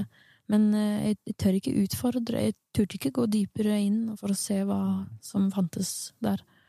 Nei, jeg tror også man har valget selv. Jeg tror eh, jeg kjenner flere som har har eh, evner til å se ting som ikke alle andre ser på samme måte. Eh, noen har bare tatt imot og jobba med det og blitt sterkere, for jeg tror også det er en muskel på en måte som du trener opp til. Trener opp til. Ja. Og så er det flere som har liksom vært veldig i kontakt med døde mennesker. Det, det kan ikke jeg relatere til, da. Nei, jeg har ikke opplevd det. Men Ja. som bare har sagt tydelig til dem at det her vil ikke jeg, jeg er ikke klar for det. Ja. Og så har det gått bort. Ja. Og så har det kanskje kommet et hint liksom, en stund etterpå. Ja. Men jeg tror man har valget selv. Um, jeg tror ikke det er fasitdeler på hva man skal gjøre, men jeg tror Jeg syns bare det er interessant det der med hvor fort folk tenker at de er gærne. Eller er redd for å miste seg selv i det gærne. Liksom, ja. eh, Det er interessant, egentlig. Fordi sier. Hva sier om samfunnet, da, egentlig? Ja, jeg, jeg, jeg bare tror ikke Og så bare egentlig ved å snakke med deg bare nå i tre timer, eller hva vi har gjort liksom, eh, i løpet av dagen, Mm. så det siste jeg tenker, er at du er gæren. Jeg tenker superreflektert, kreativ, masse å gi til andre mennesker. Er, du kan jo på en måte ikke ha noe mer enn det, på en måte. Det er jo bare en utrolig stor gave. Um, Takk, like, Jo, takk. like så. Takk, Um, men min erfaring, altså ved mennesker jeg har møtt um, Så er det kanskje gjerne mennesker som i, i, i um, malen av det vi ser på i samfunnet i dag, er gærne fordi det er annerledes. Men det er jo ikke Jeg veit ikke. Det, det er veldig interessant, Ja. de greiene der. For, jeg, for eksempel uh, Jeg veit jo ikke, men se på for eksempel uh, schizofreni, da. Ja. Um, er, er det noe som gjør at, at Er folk syke på grunn av det fordi man på en måte ikke helt vet hva det er, eller er det Jeg tror det er mange helt oppegående mennesker, jeg vet egentlig at det er det, som er schizofrene i samfunnets øyne, men de bare har sett på det her som en god evne. Og de klarer å kontrollere det. Ja. Istedenfor å møte det med frykt og bare Ai, nå nå er det et eller annet som skjer som ikke stemmer, for det her har ikke jeg blitt fortalt at det er riktig Ja. eller vanlig. Ja. og ingen prater om det, så nå må jeg være syk, og så blir man syk på en måte av det. ja, det kan hende. Istedenfor å ja. bare ta det imot som en gave. Det er Ja. liksom en gave. Men, er, men jeg, jeg har ikke opplevd det på den måten. Mm. Um, men jeg har opplevd mye rart som er sånn som, egentlig, som jeg egentlig ikke føler jeg vil si til alle, men nå har jeg kommet til et punkt hvor jeg er litt sånn Jeg driter i hva andre tenker, egentlig. Og folk Ja. ikke tror på at jeg har reist ut av min egen kropp, så er det dems. Da er det på en måte, det er ikke mitt problem. For jeg veit at det er egentlig flere som kjenner seg igjen og bare 'oi, takk for at du faktisk var åpen om det'. Ja. Det du forteller, da tror jeg er veldig mange som tenker sånn 'wow, her har jo egentlig jeg opplevd òg', men jeg har ikke turt å snakke om det. Nei. Men det er skummelt. Jeg hadde egentlig ikke tenkt å snakke om det heller, men eh, plutselig så bare gjorde jeg det. Men jeg jo- har jo opplevd ting som jeg tror jeg har fortrengt. Mm. Sånne ting som, eh, som jeg stiller spørsmål ved virkeligheten, da. Mm. Som jeg har fortrengt litt. Ja, Mm. Ja, du nevnte det med avatar også. Det er litt sånn interessant ja at man bare bor egentlig, Ja. her i Mm. den, eller sjel, eller at sjelen reiser sjeldent ut, eh, Mm. kanskje. Eller når man sover, jeg vet ikke. Men her, ja, det er interessant. her sitter jeg fast, liksom. Men eh, Men det tror jeg ikke man Det, det er der jeg tror det er så interessant, det med eh, å reise ut av sin egen kropp. Jeg klarer ikke å gjøre det på kommando, men jeg gjør det i dype meditasjoner. Har opplevd liksom at jeg ligger i senga, og så skjer det ting, liksom. mm, At du bare Veldig, veldig rare greier. Hva var poenget mitt? Um, jeg tror vi kanskje er mer fri, da, enn Ja. det vi har blitt lært opp til. At Ja. man kan være litt fri. Men jeg har også tenkt på det med altså at man Jeg føler at jeg har fått det bedre med meg selv ved å ikke alltid identifisere meg helt med kroppen min, altså Mm. følelsene mine. At jeg heller observerer dem. At man tar et skritt tilbake og observerer seg selv. Ja. Fordi du er jo på en måte ikke kroppen din eller følelsene eller tankene dine. Du er jo du som er bevisst over det, Ja. at det skjer. Ja. Du kan jo ikke kontrollere alle tanker som dukker opp. Nei. Jeg kan i hvert fall ikke. Jeg husker at jeg hadde en um, debatt med Jogeir, eh, kjæresten min, hjemme, om om vi har fri vilje eller ikke. Mm. Husker at jeg ble så lei meg og frustrert over tanken på at vi ikke bestemte selv, for jeg føler jeg har jobba så hardt for å Mm. komme dit jeg vil være, og så forteller du meg at, de, at uh, ingenting betyr noe, at jeg bare er et produkt av mine omgivelser, eller sier du at folk som begår dårlige handlinger, da ikke er ansvarlig for den handlingen de har begått? Og så var svaret hans sånn nei. Mm. Og så var jeg sånn Men, men, men Og jeg husker at jeg ble så lei meg, og så satt jeg og gråt litt over det, men i mer og mer grad så har jeg begynt å forstå at vi er jo et produkt av våre omgivelser. Mm. Hadde jeg skapt musikken jeg skaper, hvis jeg ikke hadde tilbrakt Hvis jeg ikke hadde gått på den ungdom Eller hvis jeg ikke hadde gått på den musikalske barneskolen og sunget Mm. så mange kristne sanger, og hvis jeg ikke hadde hatt så mange gode musikalske lærere som fulgte meg opp, og som så meg, hadde jeg eh, Hadde jeg eh, valgene, eller skapt Ja. det du hadde skapt. Ja. Det har fått meg litt til å tenke at eh, kanskje man ikke er så original som man tror, da, og at det er sunt å kanskje komme litt ut og se at eh, man, eh, man påvirkes av sine omgivelser og alt man tar inn, Helt klart. og at det, det skjer noe oppi her før man gir det ut igjen på en kreativ, et nytt verk, liksom. Bardagin. Hadde Bardagin blitt til, egentlig, hvis ikke Hvis ikke jeg hadde vært på turné og varmet opp for Vardruna med Kalandra og brukt så mye tid på å synge på nynorsk og, og Mm. norrønt? Sannsynligvis ikke. Ja, sannsynligvis ikke. Det er jo Det er flere interessante ting der. Det ene er det med, jeg synes det med fri vilje er veldig interessant. For jeg, jeg har også Det er egentlig Sam Harris, jeg vet ikke om du kjenner til han? Jo. Ja. Det var han jeg hørte på, som var liksom Ja. Mm. Jeg veit ikke om han var den, liksom, den første som begynte å snakke mye om det, men han har i hvert fall gått veldig dypt i de greiene der. Mm. Og det er veldig interessant eh, tankeeksperiment, eller hva heter det? Tanke... Det er interessante tanker. Mm. Jeg føler at nei, vi har vel nødvendigvis ikke fri vilje over hva som dukker opp av følelser og tanker, men jeg føler den frie viljen er i hvordan du velger å acte på det. Ja. Fordi alle Jeg tar meg selv i det også, jeg sier alle noen ganger, jeg kan jo ikke si det. Jeg Ja. har jo, øh, men ved å prate med folk jeg kjenner og sånn, så har jo jeg og flere um, tanker som dukker opp som vi ikke ønsker noe Altså, vi ønsker det ikke. Mm. For eksempel sånn en teit ting kan være at du, du kjører bil, da. Og så har det, øh, har det i hendt at jeg liksom har bare sett litt i bildet, at hva hadde skjedd hvis jeg bare hadde svingt over i motsatt kjørefelt nå. Men jeg vil jo aldri gjøre det. Nei. Men så tenker folk at oi, jeg er gæren fordi jeg har det i hodet mitt. Men nei, du er Ja. ikke det, for du er ikke tankene dine. Ja. Du er ikke følelsene dine. Du er den som observerer dem, og du er den som velger hva du vil gjøre med de tankene. Mm. Så egentlig er du kanskje Jeg kan ta det et steg videre òg. For eksempel hvis man holder et verktøy i hånda, en hammer, en kniv. Nå er, altså, jeg føler vi synka. Du, Ja. du sier det, men jeg tenker det. Ja, ok, det er interessant. Det er også veldig interessant. Ja. Og så kan du ha tanken. Du kan stå der med liksom en du Mm. elsker, og bare ha tanken, men du ville aldri gjort det. Nei. Veldig mange går rundt og tror at de er gærne. Ja. De har de tankene. Kanskje du kjenner deg igjen, ja. men du er ikke gæren. Fordi du, er, du, du gjør jo valget om Egentlig føler jeg at det er en sånn risikovurdering som skjer inni deg. Du ser det. Hvis du ikke hadde tenkt over det, så kunne man bare kanskje gjort det. Men, Ja. Oi, hva faen gjorde jeg nå? Men du Ja. får det først i hodet, tenker du nei, det skal ikke jeg gjøre. ja. Når det er mye krig i verden, så ser jeg for meg liksom sånn Hvordan ville jeg vært som soldat? Eller hva slags valg ville jeg tatt? Hvis jeg sto der nå, ville jeg vært i stand Hvis jeg var soldat, ville jeg vært i stand til å drepe? Mm. Det er et spørsmål jeg har stilt meg selv. Og den tanken Dette har jeg også snakket mye med psykiateren min om. Eh, det er interessant at man sier 'min psykiater'. Er ikke det interessant? Man sier 'min', ja. som om at det er liksom noe Men det er jo din, da. man eier. Ja. Men hun ja. har jo mange. Men det er min psykiater. Man sier ikke 'min tannlege', som om at det er noe sånn. Nei, det er sant. Nei, man er sier kanskje- 'hos tannlegen', fordi det er ikke like personlig som psykiateren min. Uansett. Tilbake, til, tilbake til det vi snakket om. Snakket om det her, da. Eh, ville man vært eh, i stand til å drepe hvis man Hvem er jeg hvis jeg var soldat? Mm. Så var jeg veldig nervøs og redd for den tanken. Jeg kjente liksom på at For kanskje svaret visste jeg inni meg egentlig at jeg ville nok kanskje det.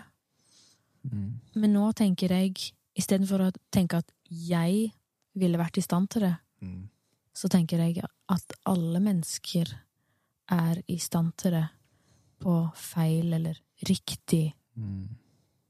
grunnlag, Mm. eh, avhengig av em, situasjonen man er i, og hvilke omgivelser man befinner seg i, hvordan man blir påvirka. Mm. Jeg tror alle er i stand til det um, på en viss måte. Og det er jo både veldig skummelt, men det sier også noe om hvor mye ansvar vi har til å holde hverandre psykisk syke friske. Mm. Uh, og hvor, hvor mye på, påvirkning vi har på hverandre. Hvor mye ansvar det ligger i det, egentlig, å føre godt videre. Helt klart. Men også Det roer meg litt. Mm. Fordi at det får meg også til å tenke at vi alle er like, på en måte, og folk er ikke så forskjellige fra hverandre. Vi ønsker jo alle det samme. Alle vil ha en trygg framtid. Alle vil ha eh, en god utdanning, gjerne gratis utdanning. Alle vil ha Mm. free healthcare, liksom. Alle vil ha en trygg oppvekst, oppvekst for seg selv og sine barn. Mm. Gjør man ikke Gjør man ikke mye rart for å få det, når det er trua? Ja. Eh, på grunn av mye strid i verden, så får en jo Får meg til å tenke på sånne ting. Mm. Mm. Ja, det er, det er jo egentlig sånn rart å tenke på at det er eh, Altså, jo, det du sier om Jeg har ikke stilt meg selv spørsmålet om jeg kan kunne stått i en krig og skutt en person. Mest sannsynlig så hadde man jo klart det, fordi jeg, jeg har en ganske eh, Eller har en eh, hadde en nær relasjon. Eh, Han lever fortsatt, da, men det er, det er ikke så viktig, liksom. Som har opplevd det å være i felt, Mm. i krigsfelt sånn. Mm. Og det som blir sagt, at det er jo ikke å skyte noen. Mm. Det er ikke noe vanskelig. Nei. Det som er vanskelig, vanskelig, er jo leve, etterpå. leve med det. Det er jo det som er vanskelig. Det gjør jo enhver. Altså det, han- uansett hvor hard eller ikke hard eller sterk Ja. psykisk du er, så er det, det er ikke menneskelig. aldri- Da. Heldigvis så vil du på en måte aldri vite svaret, og du skal nok egentlig ikke vite svaret Nei. på det, men det er eh, det er noe fundamentalt litt sånn viktig, tror jeg, å sitte og, og tenke over det. Eh, hvis man får tid til å gå Mm. så dypt. eh, Men det er eh, Ja, så, ja, men det er et interessant spørsmål. Jeg Ja. tror eh, Tror også vi alle er veldig like i dypet. Eh, vi vil det samme. Um, men da er det jo også rart at det er eh, flere veier folk velger å gå da, til å få den tryggheten. Via Ja. krig og alt det greiene der. Bare, bare ord i seg selv. Let's fight for freedom i seg selv. Det, Mm. det er jo veldig sånn mhm, Ja, Vi vil jo egentlig ha samme friheten. Bare- hvordan kan man Ja, skal man gå til krig for frihet? Ja, det gir ikke mening i mitt hode. Jeg, jeg tror ikke jeg hadde klar, klart det i det hele tatt. Jeg, jeg tør å påstå at jeg har en sterk syke, men jeg, jeg ville aldri klart å leve med det. Og vært i krig og sett sånne ting. Nei. Jeg husker hver, hver gang det blir krig, så tenker jeg jo en eller annen grunn på den en sangtekst fra System of a Down. Why don't presidents fight the war? Why do we always send the poor? Why do we Mm. always send the poor? Why do we always send the poor? Sånn. Ja. Det er et veldig godt poeng. Ja. Blir så, jeg sitter og skriver en, en tekst om det nå, litt sånn Du Gjør det? Ja. Eh, som er en sånn motvekt til bardagen, som er litt mer sånn krig, eller liksom Kjempe. Det handler jo om strid. Det betyr strid, det ordet. Eh, men Ja, det er det det betyr, ja. Ja, bardagen er liksom Mm. norrønt for kamp eller strid, men det kan være den indre kampen Mm. som det er. Mm. Men når man har det vondt i seg selv, så prosjekterer man det ut fysisk. Mm. Og det bare fortsetter å eh, Ja, mennesket har jo denne indre motivasjonen til å kjempe for noe og for noen. Mm. Det er jo en veldig vakker ting, Det men det er også en synd, fordi det tar jo aldri slutt. Og på et eller annet punkt Det vil jo komme nye generasjoner som ikke kan relatere til Som ikke har noen skyld i Mm. en, denne krigen som, som foregår. Eh, eh, Skal de arve denne synden, eller skal de eh, Bryte et bryte et mønster? Når stopper det? Mm. Eh, konflikt vil jo alltid eksistere, men Og jeg tror eh, vi har veldig mye å lære av å, å, å, å kunne jobbe med den selvinnsikten, tror jeg. Virkelig. Eh, og store ledere i verden Mm. burde jo Se mer innover. De burde gått til psykolog før de, ble, før de fikk så stort ansvar. Helt klart. Ja, ja, ja det, er, det er kjempeinteressant. Jeg, jeg tror uh jeg kjenner Hjernen min blir sånn overfylt Ja. nå. Jeg blir sånn tung i Bare ja. å puste. Ja, men det er jo tunge temaer, da. Det er jo det. Er jo, det, er jo det. ja. Det er jo ikke noe hyggelig. For det er jo mm, trist når mange lider av ting, liksom. Det, det er, eh, og så føler man seg også litt sånn Hva skal man gjøre, liksom? ja. Føler kanskje ikke at man får gjort nok, heller. Nei. Um, samtidig så tenker jeg som så at man, man må velge sine kamper litt. Hvis man vil jobbe for å få en verden som er bedre, så kan man ikke ta ansvar over alt. Da blir det overveldende. Ja. Må kunne Man må innse at man bare er et menneske, og liksom, hva gjør man med det? Ja, og du, nev du nevnte noe i stad som var veldig interessant. Det der med Eller fikk meg til å tenke på ting. Det å gjøre en god handling Mm. fører jo også ting videre òg. Ja. Det, det er Jeg tror at ved å La oss si at man healer eller hjelper to personer, da, Mm. eller gjør en god handling, Mm. så er jo det en inspirasjon for de til å gjøre det videre. Ja. Så det går jo i en ring. Ja. Jeg, jeg tror det der er veldig undervurdert hvor mange man hjelper ved å hjelpe noen få. ja. Er Eller motsatt, hvis jeg gjør en dårlig handling, hvis jeg eh, Ja. eh, kjefter på deg nå og bare er skikkelig sur, så vil jeg gi deg en dårlig følelse, Mm. som vil gjøre at du kanskje får en dårlig dag, som gjør at du kanskje vil krangle med noen. Altså at det, det går videre, da. Jeg ble veldig bevisst på det når jeg ble utsatt for noe som var kjipt. Mm. Hvordan jeg påførte det videre. Mm.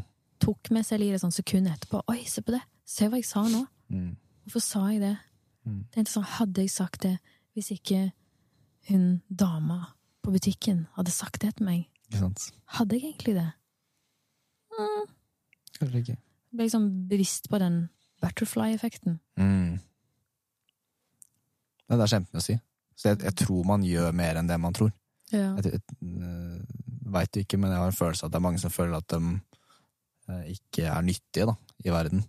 Ikke nyttige nok. ja. Men bare ved å være en der i nå, da. Det beste du kan gjøre for samfunnet, er jo å um, gi kjærlighet til deg selv. Ja. Å være din gode venn, for jo mer kjærlighet man kan gi til seg selv, jo mer kjærlighet og uh, positiv dybde kan man gi til andre rundt deg òg. ja. For det er, hva, er jo egentlig, hva er egentlig forskjellen på å gå innover eller utover? Det er jo på en måte litt samme Ja.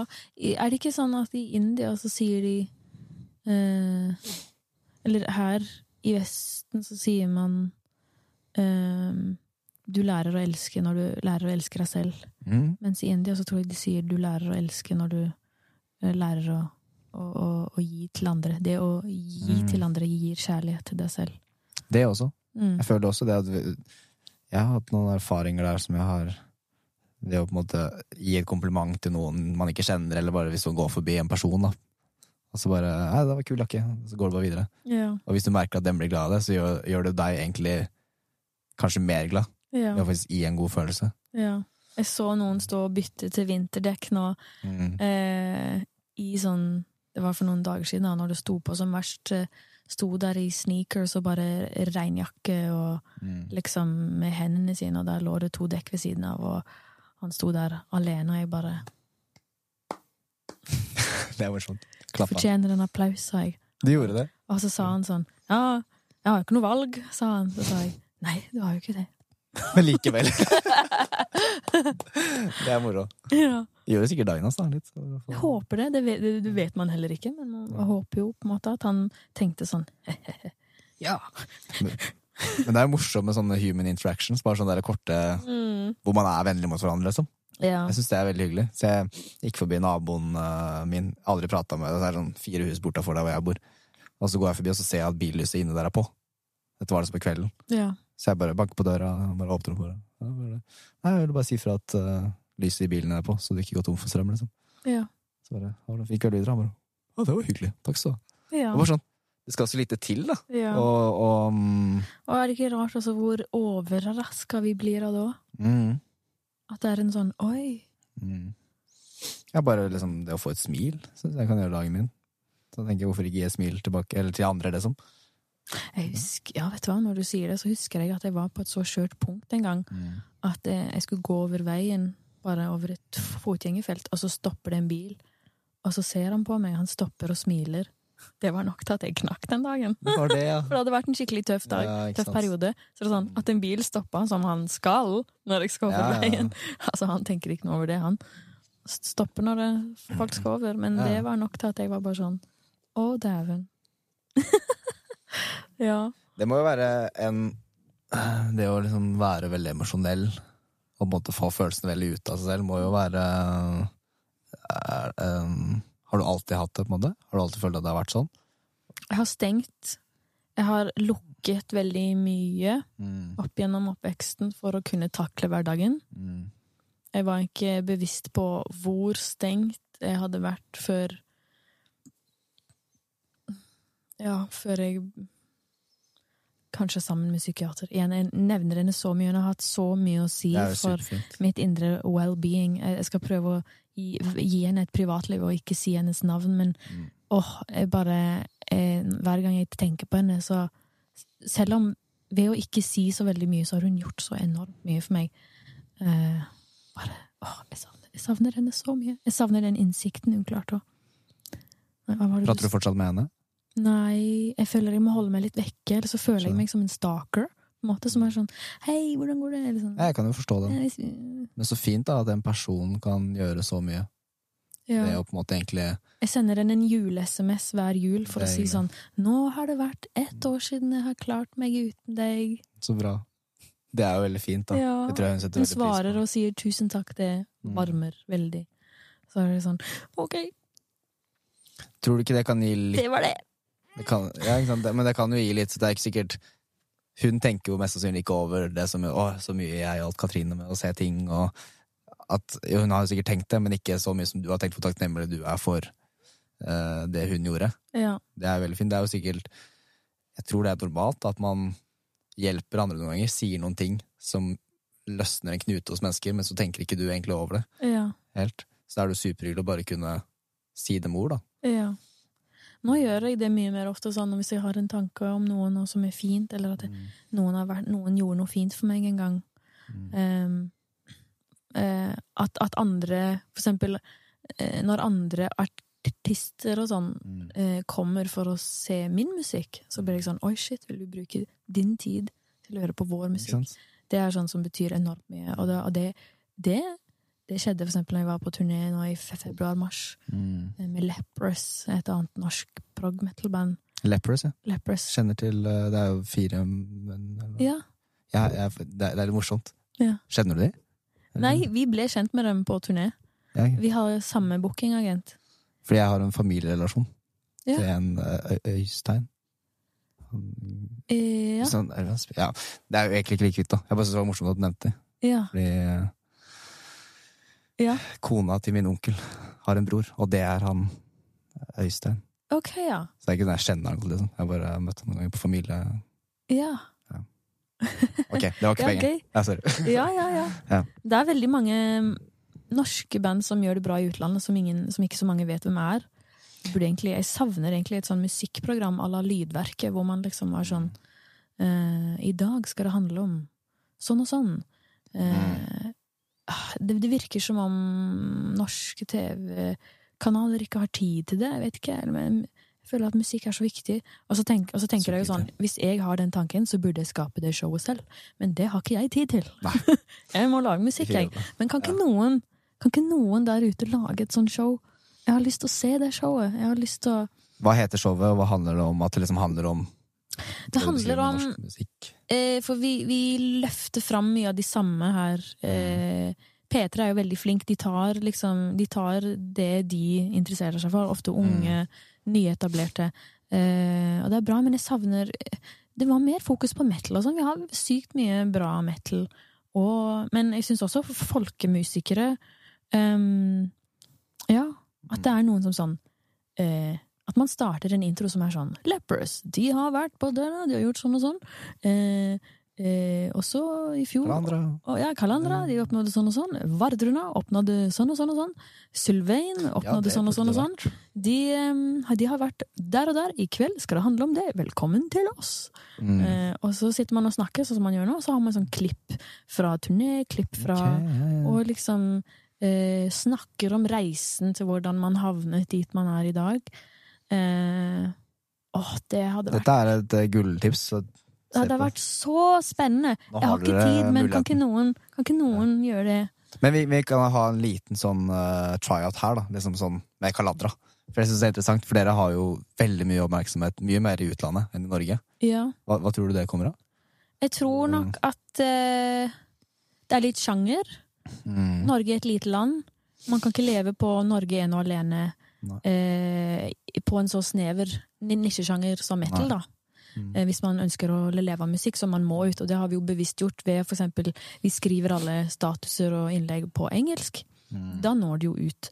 En annen ting er at um, metal og folkemusikk er veldig eksotisk i utlandet, så det er en sult der. Mm. Så jeg vet at når vi kommer med noe, så fins det en sult som blir mettet der Mm. ute.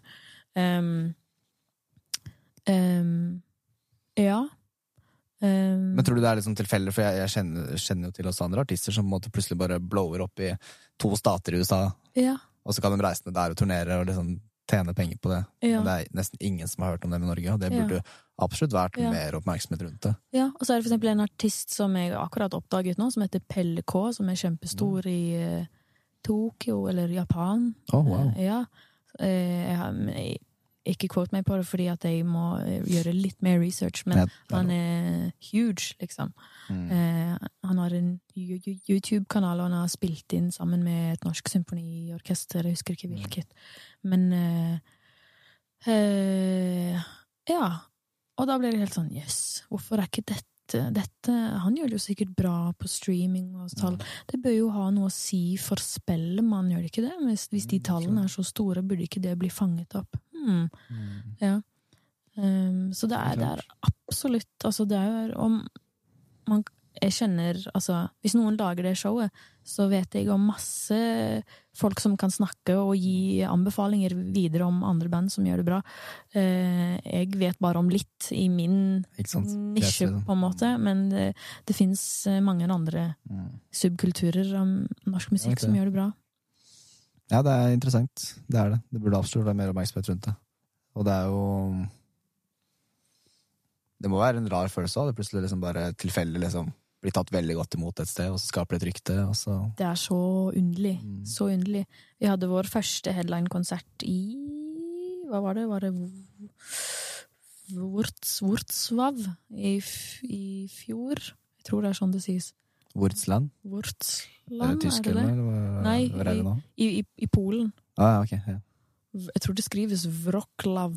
Wroclaw. Hvor, Ja, jeg tror det sies sånn. Eh, Litt forvirrende. Men der dukka det opp, vet du, 70 stykk. eh, i et Kult. på, på, på et, et lite sted. Det var liksom sånn en tr trial, på en måte. La oss se hvordan det går, om det dukker opp noen. Her har vi jo hatt litt streams, og her har vi Kult. eh, så, Og der sto det folk og sånn eh, Og, og de, de som var der, eh, som kommer på sånne små konserter som det der, hvis de kommer igjen, så husker jeg de veldig godt. Mm. Fordi jeg husker når det er en så liten crowd, så husker jeg de fire jentene som sto framme der, som sang, og hadde en glitter i fjeset, og det var sommerfugler i hår, og de var helt sånn. Helt med. Så alver, vakre Kult. alver. Når de kommer senere da, og kom på den Leprous-turneen, Mm. som var mye større, så var jeg sånn fy fader, der er hun. Og der er hun. Mm. Dæven. Det er, det litt kult, da. Ja, Mm. det Har du hatt mange fine møter med mennesker som er litt sånn Fordi grunnen til jeg spør, er jo litt sånn at jeg tror de som lytter mye til en sanger eller artister, får jo et kjennskap til artisten. Men du får jo ikke det samme kjennskapet til den personen. Og så, eh, hvis jeg for eksempel lytter mye på en artist, da, mm, så er jo det en sånn Du bretter deg jo ganske ut. Du er jo litt naken i kunsten din. ja. Sjela di er litt naken. Ja. Du skriver fra hjertet og sånne ting. Og så Ja. tror jeg man, eh, de som lytter, eller fans, da, får en veldig sånn sterk relasjon. Ja. Har du hatt sånne møter, og hvordan har det vært? ja. Å på en måte møte en person du ikke kjenner, men den personen kjenner deg litt. Ja.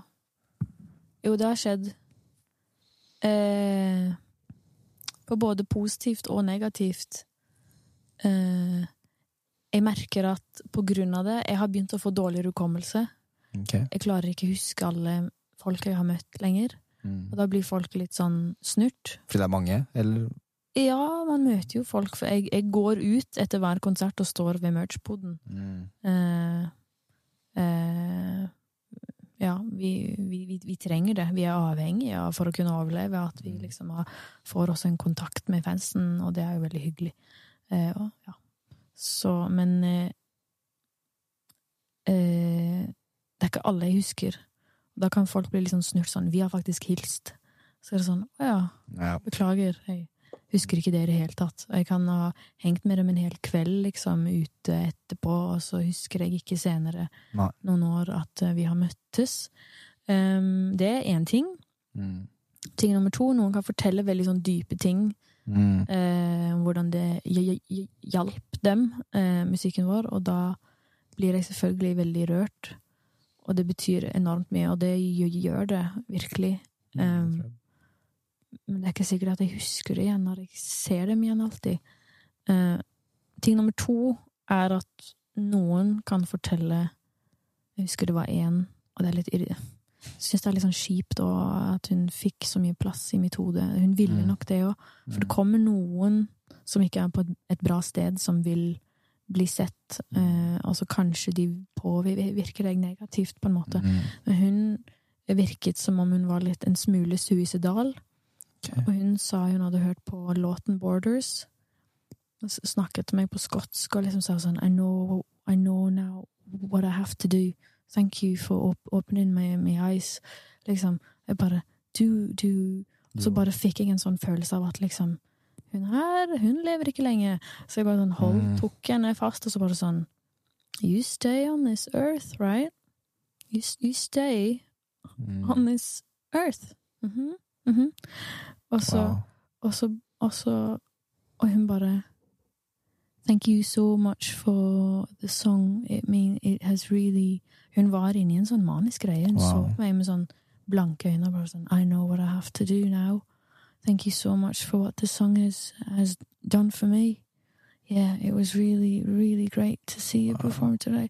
Og jeg, og jeg bare sånn Og da kjente jeg sånn, ikke ta henne altfor langt inn. Hun er på sin egen reise. Det er Mm. ikke min jobb. Og, og kanskje hun vil bli sett, kanskje hun trenger å bli sett, men det er ikke av meg. Hun trenger kanskje noen fagkyndige. Mm. Jeg bare Og så bare tok jeg Og så står det jo andre i køen bak som er sånn Hei, can you sign this, please? Som er i sånn helt annet humør. Og så bare, må jeg bare se vekk, og så må jeg bare se på Jogeir. Mm. Og Florian bare Tenkte dere det samme som meg, eller opp, opp, oppdaga dere det? Eller? Og da, da det, jeg føler det er jo litt sånn urettferdig at jeg skal bli påført en sånn energi Mm. i det øyeblikket, rett etter en konsert, men folk har lov til å selvfølgelig si hva de føler der og da, men jeg blir også bare sånn påført eh, den energien, og den eh, klarer jeg ikke alltid la være å ta inn, og så må jeg liksom Jeg måtte bare Og da, da ble smilet mitt videre mot de andre ble litt falskt. Det ble sånn Hei, Ja, klart det ble satt yes, yes, of course, yeah. Mm. Enjoy the concert. That's, yeah, that, that's Mm. nice. Thank you, thank you so much. Da var jeg helt sånn Litt sliten. Metta, liksom. Tom. Men, uh, Men det er jo helt klart Det er jo Ja. helt forståelig, da. Fordi man altså Ikke bare den hendelsen, men det å faktisk stå på en scene og holde en konsert. Det, er jo energikrevende. Ja, det, det er det. Du, du er så dyp i deg selv, og det er sånn, og så kommer du ut av den bobla, og så skal du møte mennesker. Og så kommer Ja. noe sånt i tillegg. Ja. Føler, det er i hvert fall bra å høre at du ikke tok noe ansvar over noe. For det er sånn, du, du har jo ikke noe ansvar over andres valg uansett hva som skjer. Men jeg skjønner at det satt en støkk der og da. ja. Liksom, kom, da igjen fikk jeg en sånn stemme over meg sånn sånn hvor mye, hvor mye skal du ta på deg nå? Mm. Hva er ditt ansvar? Kan du hjelpe henne? Nei. Kan du ikke det?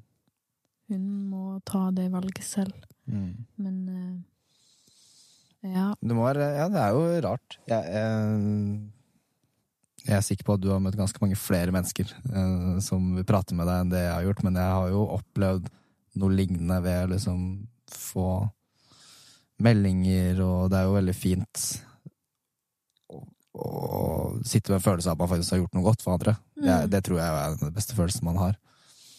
Men så kan det ta litt mye plass òg. Det er på en måte, du har ikke all kapasitet til å kunne gi alle sammen like mye oppmerksomhet. Nei. Jeg tror det er en sånn Der er det viktig å sette sin grense.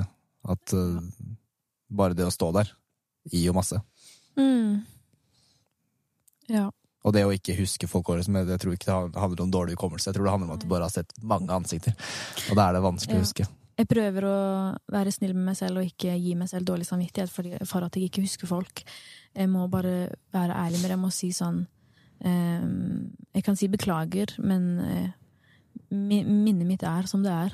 Mm. Hjernen min er sånn. Men la oss prøve igjen. La oss bli kjent på ny. Kan vi prøve det? Liksom. Ja. Det har jeg Ja, gjort men det, med noen. ja. Og så tror jeg at hvis, folk, hvis noen tar det personlig, så er jo det på dem, på en måte. Det er jo Ja. Ja. Det er sår der. Noen har sagt sånn Vi har faktisk møttes før jeg var på konserten din. Så jeg var sånn Men det kan Det, jeg, Hvordan kan jeg? hva sier du da? Du er en av mange? Nei, da, jeg. Kan ikke si det heller. Nei, jeg skjønner jo det, da. Men, Men det går jo eh, an å si altså sånn derre Det har jeg nettopp spilt, jeg er helt Jeg klarer ikke å Ja, jeg er helt blåst i hodet, jeg. Ja. Fordi er man sliten, så er det jo også Jeg, jeg, jeg kjenner folk Det er noen jeg kjenner godt, som har uh, opplevd det at selv mennesker de kjenner, og har møtt mange ganger i løpet av livet, de er så slitne at de bare I en periode, da, hvor de bare ikke De klarer ikke å koble på. Mm. Det er så mye plass i hodet. Og det trekker jo også litt tilbake til det med å ta ting personlig. ja. Hvor viktig det er å ikke ta det personlig, men heller tenke at her er noe den personen Enten er personen sliten, eller Ja. et eller annet. Så hvis en person er frekk mot deg, da, Mm. så er det fort gjort å tenke at oi, nå har jeg gjort noe, er jeg har sagt noe, egentlig? Ja. Men så er det jo mest sannsynlig den personen som har en dårlig dag. ja, ja, ja. Det er sant. Så jeg håper at folk tenker at hvis jeg, hvis jeg ikke husker ditt navn, så har det ikke med deg å gjøre at du er en forglemmelig person, ikke sant? For det kan man fortelle seg selv. Det er jeg Det er det. som har et stappfullt arkiv. Det er eh, helt lov. Ja. Det er helt lov. ja. Nei, jeg tror det er en uh, fin ting, for jeg har i hvert fall erfart det selv òg, at eh, de gangene jeg kanskje kan oppføre meg overlegen mot andre, er jo de gangene jeg ikke er helt til stede i meg selv, på en måte. Bare, ja. Mm. Men det er jo ikke meninga å være overlegen eller frekk. Det er jo bare Nei. sånn man er noen ganger. Ja. Kunne vi tatt en liten pause? Selvfølgelig kan vi det. Jeg må på do. Det er helt lov. Vi er tilbake snart. Ja. Null stress. Det, altså, min, min drøm er ikke så veldig stor, egentlig, men jeg føler at det er mye å be om likevel. Jeg vil ha Jeg vil ha eh, Hvis jeg får råd til en leilighet i Oslo, og kanskje en bil, mm. det er liksom mål nummer én. Mm. Men jeg har lyst til å klare å gjøre det ved penger jeg tjener fra musikk, Mm. helst. Det må nok bli en glidende overgang der, men eh, det føler jeg er et stort nok mål i seg selv, Mm. fordi Oslo er dyrt. Oslo er veldig dyrt. Ja, Apropos det med mm, Det var deilig med lufter, forresten. det var det. Deilig å komme tilbake. Uh, Merka at det var litt tett luft der Ja. når jeg kom ut. Ja. Kjente det i lungene mine at de fikk Ja, det var som begge bare når vi kom ut på takterrassen vår. Ja. Det var så rart. så Du, ja, men du blir så vant til det, så du tenker ikke over det engang. Mm. Men jo, som du sier der, da, med Ja, det er jo dyrt i Oslo og litt sånne ting. Mm. Hvor uh, Med tanke på at uh, du er jo en musiker som har oppnådd store høyder med det, men hvor langt unna er du egentlig ved å kunne leve fullt av det kreative og musikken? Um, det håper jeg er to-tre år. Ja. Men det har jeg jo håpet de siste, siste åtte årene, liksom. Ja. Så Men jeg begynner å se et mønster i at det arbeidet vi legger inn, begynner å endelig betale seg. Mm. Ehm, og det er det som er vanskelig vet du, med å være musiker, at man kan skape så lenge, og man kan sitte på materiale i over to år, for eksempel, Mm. og så Du får ikke et direkte resultat av den innsatsen du legger inn. Det resultatet kan komme 10-15 år senere, hvor du begynner å liksom endelig. Så du, man må fortelle seg selv Et frø, liksom. ja, dette er et frø, og så må man fortelle seg selv at dette blir en livsstil. Ikke forvent. Ikke gjør det for pengenes skyld, ikke gjør det for å oppnå suksess med en gang, for det vil du sannsynligvis ikke. Altså, for de som gjør det, så er det et, et unntak, vil jeg si. Um, Ja, så tror jeg det er fordeler og ulemper ved det òg. Det å oppnå tidlig suksess. Ja. det kan godt, ja. Vi har gått den lange, lange veien, og den, vi går den enda, og jeg tenker at det er en, det er en fin ting, da, for vi vet nå Jeg har jo lært, å, har lært oss å lese kontrakter, for eksempel. Ekstremt viktig. Jeg er så eh, Det er en ting som er ekstremt viktig for meg, å fortelle andre musikere at dere må lese kontraktene. Det å, å, det å bli fortalt av et plateselskap Du, vi liker deg. Vi har lyst til å ha deg. Ikke føl deg takknemlig med en gang, og bare tenk sure. Bare tenk, bare tenk ok, den skal jeg gå hjem og lese. Takk, skal, den skal jeg lese. Så skal jeg komme med mine endringer. Og så få litt hjelp fra Creo eller Grammart eller NOPA. De har advokater som kan hjelpe til. Eh, Hadde det ikke vært for dem, så hadde vi nok ikke vært eh, skal vi si, så heldig at vi har havnet i en god deal, da. Mm. Man har jo egentlig taushetsplikt om sånne platekontrakter. Ja. Det er litt dumt, fordi det hindrer oss musikere i å utveksle kunnskap og bli flinkere på feltet. Helt klart. Um, men eh, jeg vil eh, absolutt anbefale uh, musikere å snakke litt rundt, og i hvert fall få hjelp fra eh, Jeg, jeg tror det er veldig fort gjort uh, Nå har jo du vært i en situasjon, da, så dette vet du bedre enn meg. Men jeg tror det er liksom fort gjort å jobbe med en kunst, eller vet, ver, verkene sine så mange år, og plutselig kommer det noen faktisk som er profesjonelle og bare Du, vi har lyst til å satse på deg. mm, Så er det kanskje fort gjort å bare ja. Ja, ja, kjør på. Nå, er det, nå skjer det, liksom. ja, for man er så sliten og så lei og bare sånn Yes, take Ja. it off my hands. Liksom. Men yes. så bra dere fikk gjort det før liksom dere fikk Det var jo et par år siden det liksom skjedde store endringer for dere, var det ikke det? Ja. Vi hadde Vi prøvde i 2017 å få EP-en vår signert. Mm. Det uten hell, og da la, ga vi den ut selv. Og så i 2020, 2019-2020 Mm. så fikk vi interesse fra By Norse plateselskap. Mm. Da hadde vi allerede snakket med noen plateselskap i, i Bergen. Mm. Hatt noen drøye runder der hvor vi trodde vi kom til å signe, men ikke gjorde det. For det, det hvis noen gir deg en Hvis det står artistavtale, så bør du bare egentlig løpe andre veien med en gang. Ja, det- hvis det står artistavtale? Ja, akkurat det ordet der Mm. betyr at de eier rettighetene på dine låter Mm. de neste 70 årene. Ja, ikke sant. Det låt, det, det høres fint ut, Mm. Men det burde stå Det burde, det burde stå lisensavtale. Mm. Licensing agreement. Det er det du vil ha. Ja, ikke sant. At du, du låner ut du gir, Masteren, på en måte. Ja, eh, rettighetene i et visst antall år, Mm. eh, og så får du dem tilbake igjen. Mm. Og behold eh, Altså, nå er vi inne på veldig sånn neatpicky, eh, nerdy stuff som bare musikere bryr seg om, egentlig. Men det er litt viktig at alle eh, musikere bare beholder ISRC-koden sin selv. Plateselskap sier alltid at 'vi kan lage det'. Da sier du nei takk. Jeg høres, jeg blir, jeg blir veldig sånn passionate på det. Ikke, Ja, men det er klart det er viktig. Det er jo så mange, ikke bare unge, men artister generelt, som blir Ja. utnyttet i dag. det Kanskje spesielt unge. Ja, registrer deg i Gramo, og så får du Gramo til å lage den ISRC-koden, og så lisensierer du den ut til plateselskapet. For det er den som har ISRC-koden, som eier låta. Den har makta. Mm. Bør ikke den makten ligge hos deg som ånds... Uh, Mm. Ja, det er ditt åndsverk. Jeg eh, hjelper noen venner av meg som får noen sånne avtaler og sånn. Mm. Eh, og da Ja. Det gir meg veldig mye å kunne liksom bidra og bare sånn Nei, ok, pass på. Mm. Her må man ha tunga rett i munnen. Og det er dessverre også veldig mange folk i plateselskap som ikke mm, vet noe om hva slags kontrakter de faktisk gir ut til sine artister. Mm. For det er sånn, nei, det dealer ikke vi med. De jobber jo bare med å utvikle artisten.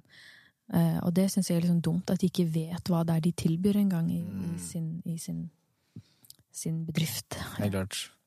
Har du opplevd at du har forsøkt og så blitt lurt, nesten? Å, ja, ja. Bare, Ja, noen ganger. Det var i begynnelsen, før vi signerte The Line med By North, så var vi i kontakt med tre andre plateselskap mm.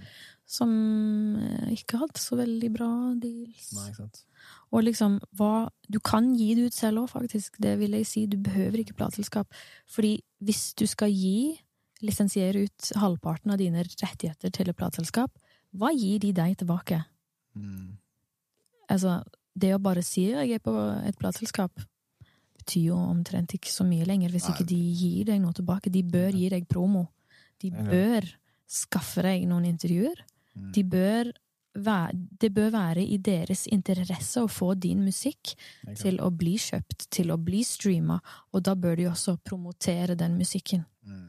Helt klart, og det handler mye om nettverket disse plateselskapene har og Altså muligheten til å kunne fikse deg de intervjuene Ja. og de tingene. Og det nettverket, altså akkurat som å være låtskriver, det tar tid å, å, å bygge opp. Okay. De kan si mye, men det er ikke sikkert at de egentlig har det nettverket de sier at de sitter på. Mm. Eh, Og har de riktig nettverk innenfor riktig sjanger? Det det, Hvis man er i metal-miljøet, sånn som Eller vi er ikke Eller ja, nå er jo vi veldig Ja, dere er veldig allsidig, eh, Allsidig. musikk. Men vi kunne aldri hatt noen som har masse kontakter innenfor pop og EDM og trans, ikke sant? Altså, sånn, sånn, så Mm.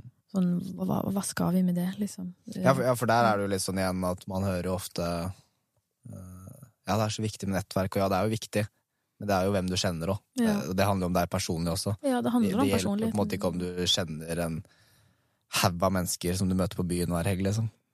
Det er på en måte litt uh, Ja, hvem det nettverket er òg, da. ja. Hva gjorde plateselskap for det? Hva, hva, er det det? Hva var de største endringene som skjedde i deres band? Etter en signering med et bra plateselskap? At de, de gir oss um, De gir oss promo. Mm. De gjør Vi Altså sånn Vi gir dem, vi låner ut Mm. uh, en lisens til dem, og at de kan gi oss promo in return for at vi begge Altså Og det, det gagner jo dem. De blir større, vi blir større. Vi skal jo scratch each other's back, på en måte. Eh, Det er en eh, Så må man gi og ta litt, men man må vite liksom sånn, hva, er, hva er det som er viktig for dem, hva er viktig for oss? Mm. Det er jo klart det er jo alltid kjipt å gi fra seg rettigheter litt, liksom. Eller låne dem ut for en periode. Det er jo klart det, men altså sånn Eh, Hva kan du gi på, for eksempel? Kan, de, kan noen få mer på fysisk salg enn på det digitale? Hva, hvor mye kan man dele opp det salget litt, for eksempel? Altså, Mm. um, ja. Eh, men, men ja, det største endringen er nok at uh, Bynors har vært dedikert til promo eh, Mm. og, og intervjuer, og at de er nysgjerrig på hvordan det digitale markedet fungerer. De slutter ikke å lære. Nei, Det er fint. De sier er seg fint. at man ikke bare, De sier seg ikke bare sånn fornøyd 'yes, nå har vi signa', liksom. Vi Det er jo kanskje det som er vi er fint. et plateselskap, lykke til, gå ut og Ja, ja. vi, vi, vi vis oss. Fordelen ved å ikke kalle seg ekspert på noe, for du kan alltid Altså Hvis du er ekspert, så er det på en måte Da er du på en måte nådd et tak, da. Ja. Men jeg syns bare alltid er åpen for at det kan komme ny informasjon, og ting endrer seg. Mm. Og det gjør det også. Altså, hele bransjen er jo ja. helt annerledes i dag enn det den var for fem år siden. Eller ti år siden. ja. 15 år siden. Det er jo en utvikling hele tiden. Jeg syns det er utrolig bra. Det, virker som om at uh, plateselskap innenfor rock og metal er de som er mest interessert i å og Jeg snakker jo kun av egen erfaring her, Mm. men jeg har jo sett trans-kontrakter og pop- og EDM-kontrakter fordi jeg har skrevet poplåter for andre. Mm. Det er mange ting som ikke passer i mitt band, og jeg syns det er veldig gøy. Veldig kult, det også, forresten. Jeg syns det er veldig gøy med bra, bra EDM-musikk. og, eh, Så jeg har signert noen eh, kontrakter der. I, ja, på det andre spekteret der, og der føler jeg at de ligger litt etter med å liksom være litt sånn tilgivende, eller liksom sånn make amendments. Mm. De er der. Allsidig, liksom. På, Ja, allsidig. I, I den pop- og EDM-bransjen så kan det jo være sånn These are the terms. Eh, Sånn er det. Sånn er det. Jeg husker en gang Mm. at eh, jeg hadde skrevet en låt piano, vokal selv. Eh, tatt, tatt opp, og så håpte jeg at eh, det skulle bli en EDM-låt jeg kunne liksom høre. Og så kom det en fyr og bare sånn Yeah, han nailer, liksom. Ok, nice, han lager en EDM-låt av, av den her. Det blir kult. Men Og så får jeg kontrakten. Og så har han lyst på så mye mer prosent av en låt som jeg skrev med min, mine akkorder, min Din melodi. stemme. Min stemme! Og han har lagd Selvfølgelig, han har jo, jo, jo gjort sitt arbeid og sittet og produsert og lagd sitt arrangement, Ja, ja. men så skal han ha Han skal ha så mye prosent. og da følte jeg at jeg endelig hadde kommet i en posisjon hvor jeg ikke trengte å finne meg i så mye dritt lenger. Mm.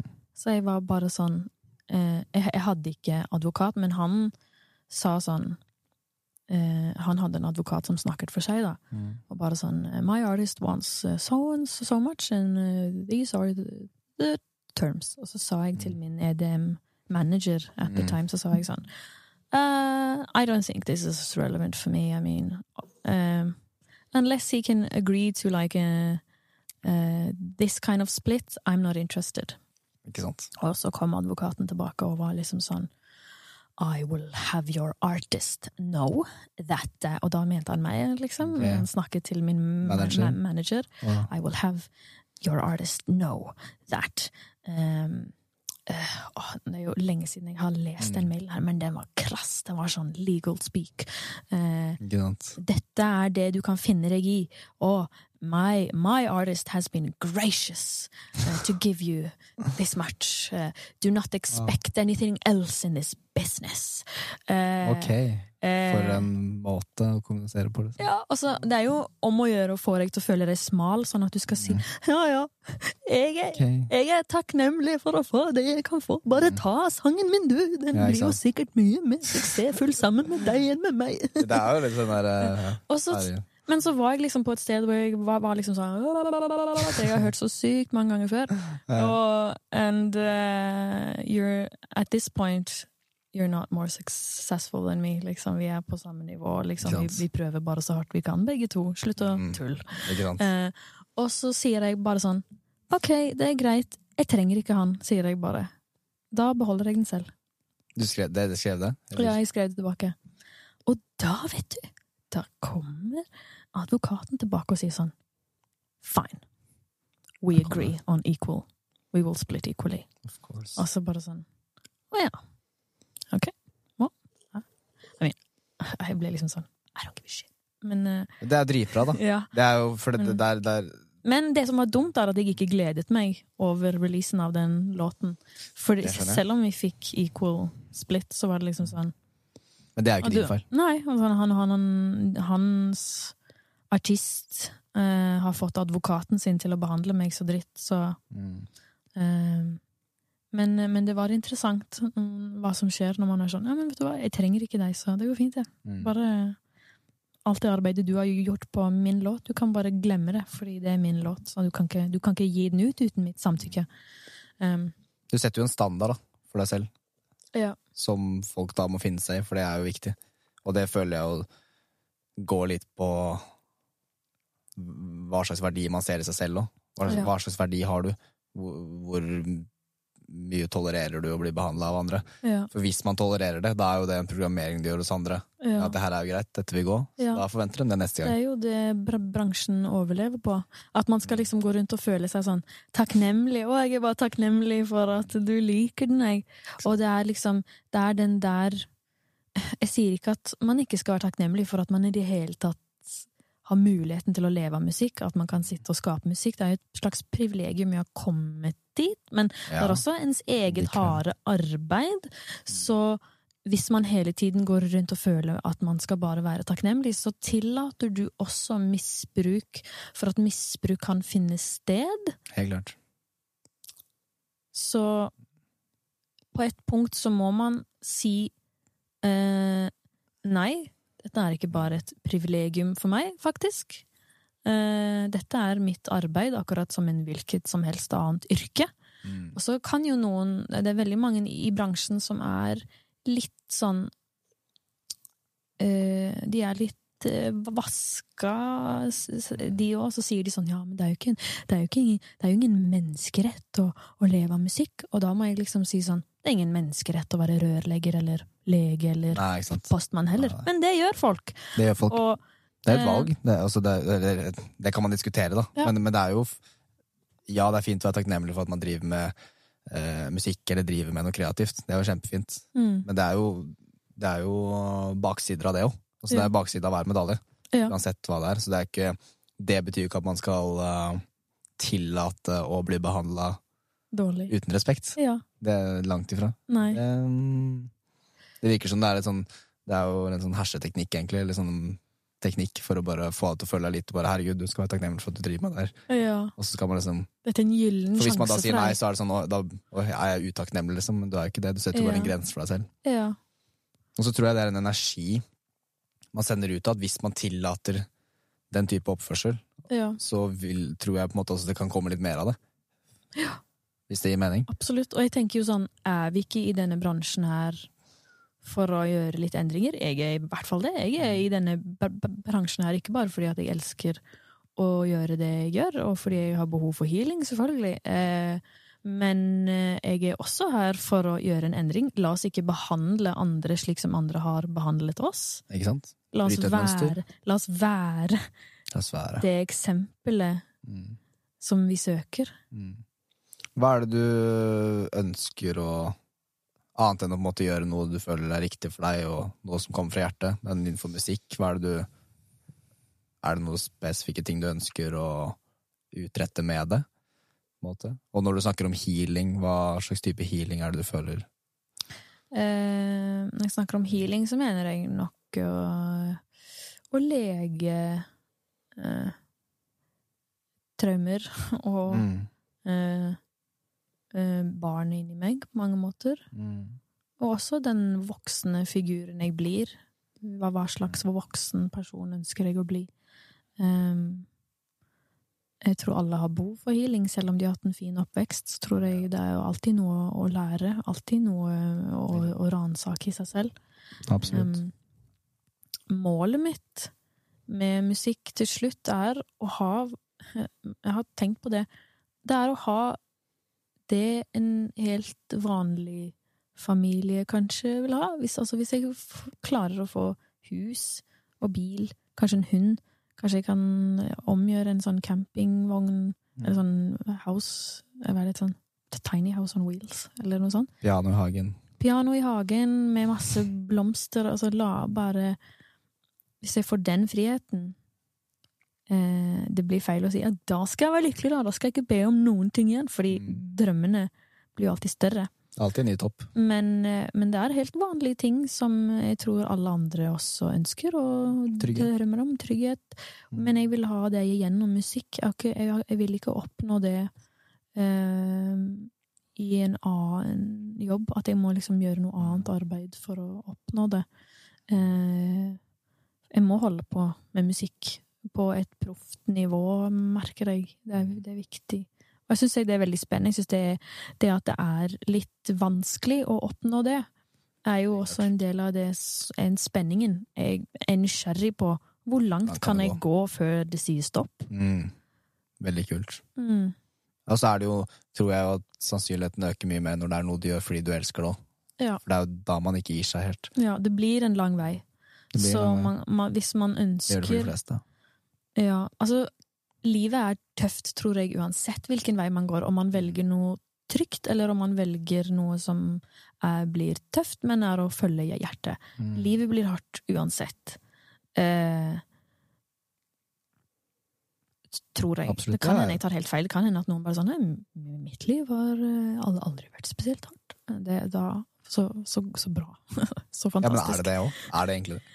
Er det bra? Altså, Ja, er det egentlig det? Fordi, nå vet ikke jeg hvordan du ser på det, men av erfaringer jeg har hatt, som på en måte ikke har vært bra erfaringer, så er jeg fortsatt takknemlig for å ha opplevd det, for det har gjort meg til en del av den jeg er i dag. Jeg hadde Mm, ikke vært den samme uten. mm, Og, og veldig ofte så føler jeg at harde ting du opplever, viser seg jo hvis, hvis man tar kontrollen over det på en måte og flipper det, så viser det seg noen ganger at det var positivt. ja. For at ja, for eksempel du opplevde noen, noen ting der, men det gjør at du i dag kan hjelpe så mange andre. Og du Mm, står sterkere enn og stødigere deg selv. ja. Um, Men da tror jeg det er viktig å tenke liksom på seg selv at jeg, jeg fortjente ikke nødvendigvis det som skjedde med meg. Jeg har ikke blitt den jeg er på grunn av, jeg har blitt den jeg er på tross av det som skjedde. ikke sant? Ja, det er klart. Ja, det er Så man, ikke, sant. ikke, så man ikke pisker seg selv og tenker sånn 'jeg fortjente Det er, men det er jeg helt enig i. Ja.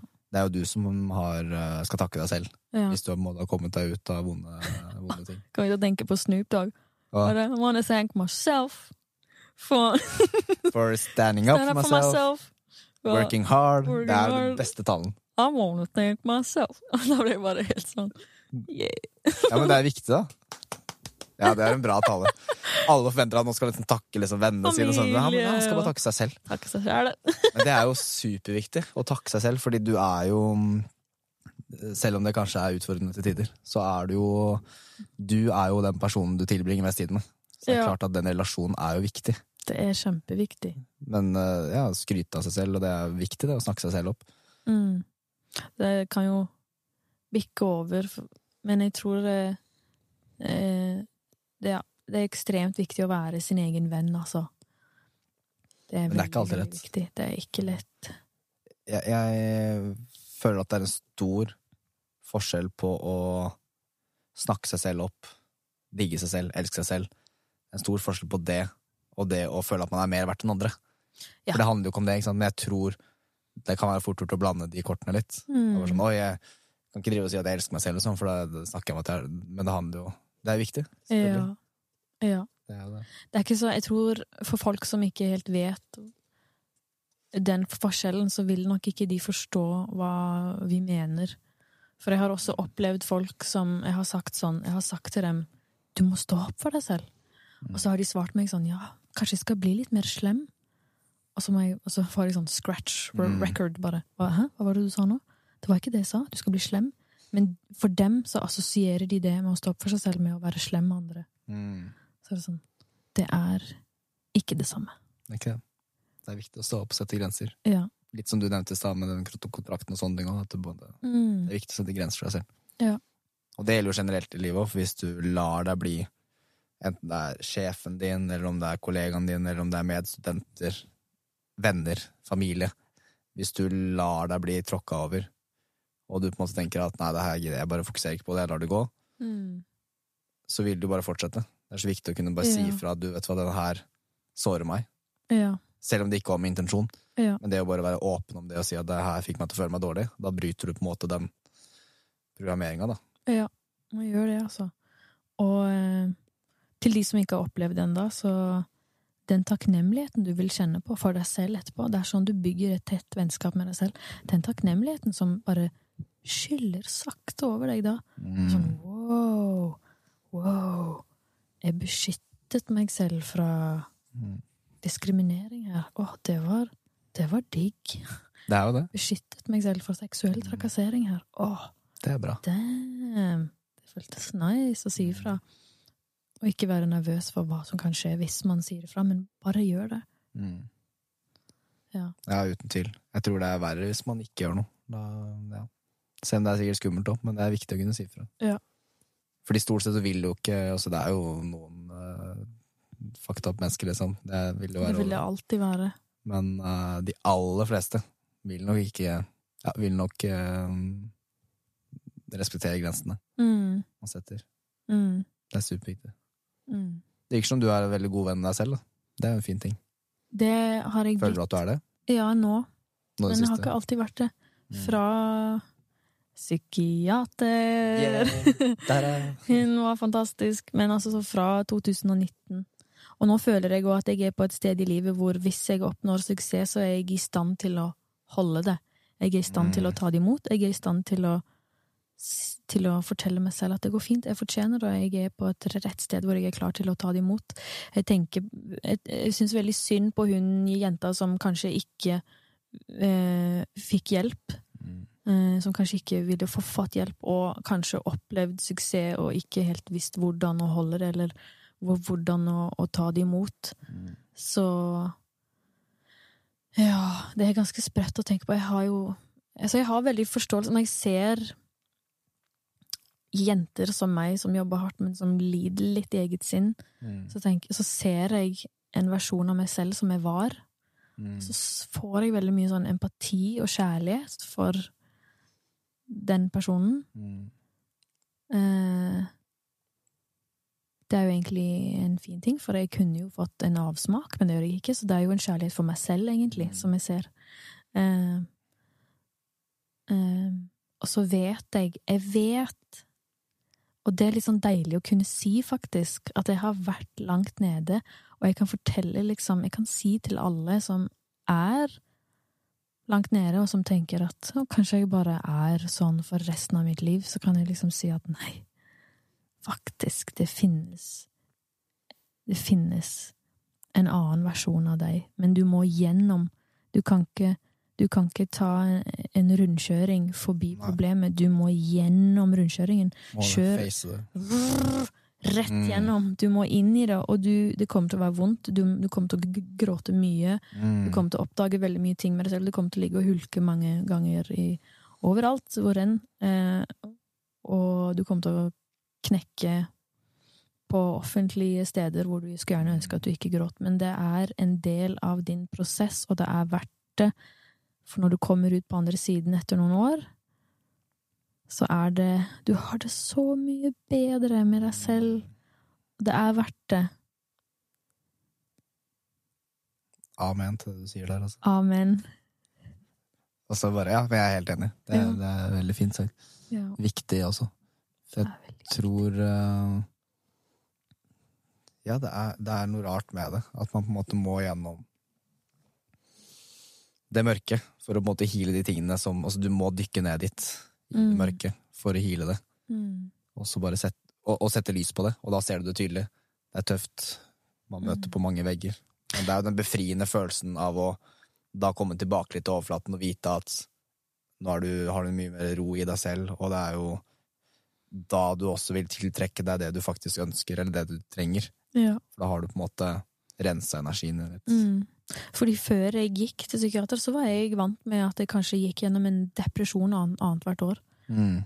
At jeg var liksom nede, og Mm.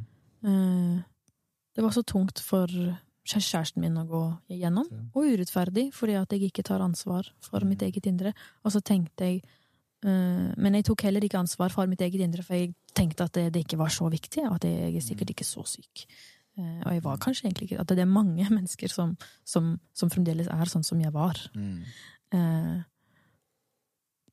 men eh, når jeg innså viktigheten av det, og jeg, og jeg Ja.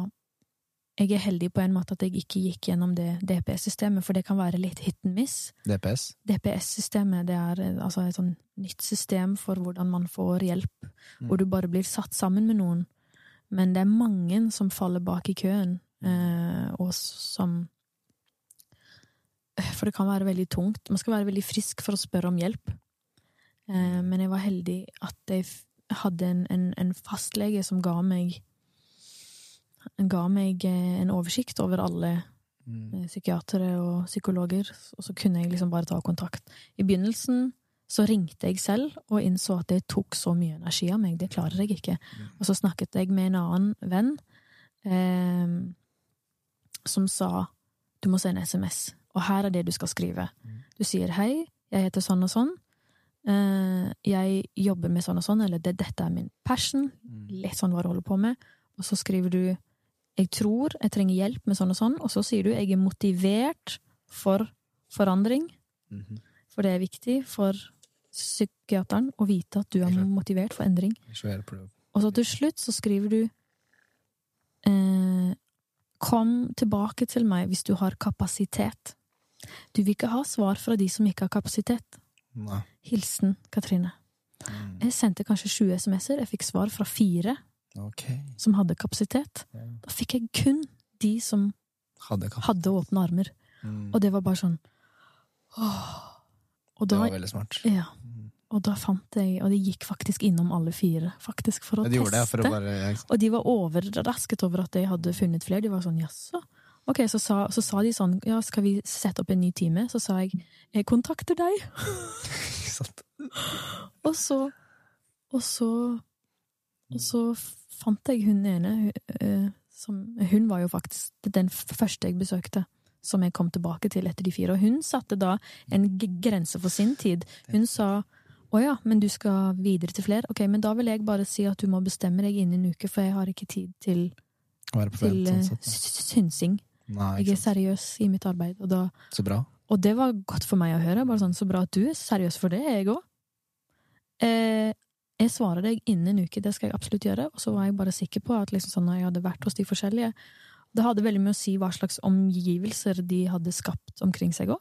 Noen satt i et sånt gammelt, gammelt eh, sykehuslignende rom med en sånn Mm. seng med sånn blått laken og bare sånn 'legg det der'. Jeg bare Eller slik. Well, her, her blir vi bare sjukere og sjukere, merker jeg. This is not a place for me. Ja, og så mens hos henne så var det en plante, det var gardiner, hun hadde brydd seg om og bøker.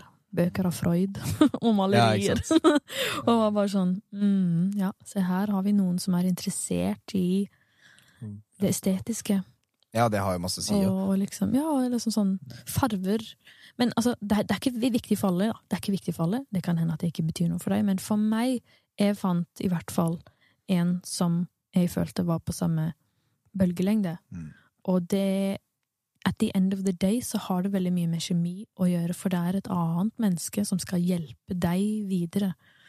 Uh, Helt klart. og det mennesket bør Du bør se opp til den personen.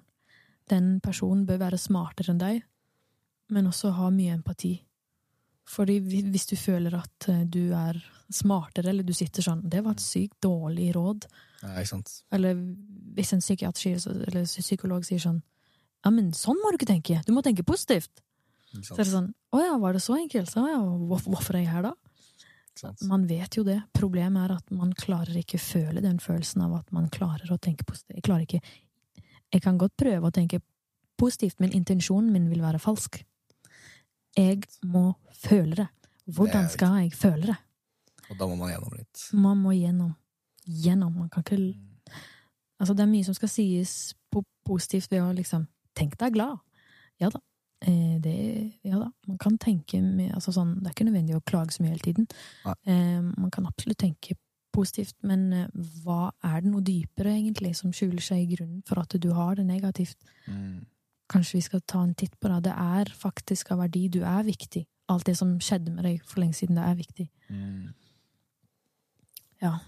Jeg, ja, Tusen takk som deler. Nei, jeg syns det er kjempe Jeg setter stor pris på at, uh, åpenheten din rundt det. Jeg tror det ikke bare hjelper meg, men mange. Altså det å på en måte høre det òg. For det er jo som du sier, at det, ja Fokuserer du på det negative, så ser du mer av det. Fokuserer du på det positive, så ser du mer av det positive. Mm. Men det er ikke svart-hvitt. Fordi når du snakker om healing, eller når du snakker om ting du trenger å jobbe deg gjennom, så er man nødt til å gå gjennom det. Ja. Det er ikke bare Det er jo litt som å bare si til en som er helt nede, møtt veggen, at det du må gjøre, er å komme deg ut i sola Ja. og ta en løpetur. Ja, Men noen ganger er det faktisk hardt nok å bare komme opp av Jeg- senga. Ja. Jeg syns det, og her har jeg diskutert litt med, med, med folk, at noen syns det er et godt råd. Jeg personlig hva ja, bare sånn, Du må bare ta deg en tur ut, og så må du spise sunt, og så må du bare bevege deg litt.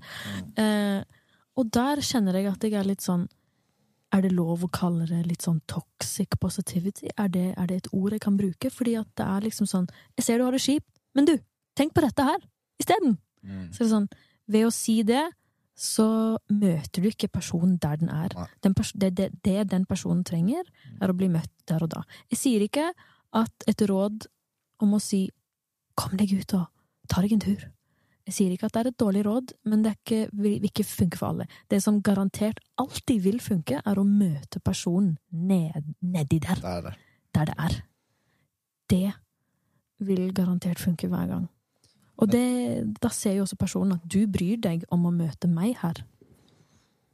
Samtidig som det noen ganger vil være vanskelig for folk å møte deg der du er, for de har ikke vært i samme Nei. Det er jo litt den nå. Ja, det er sant.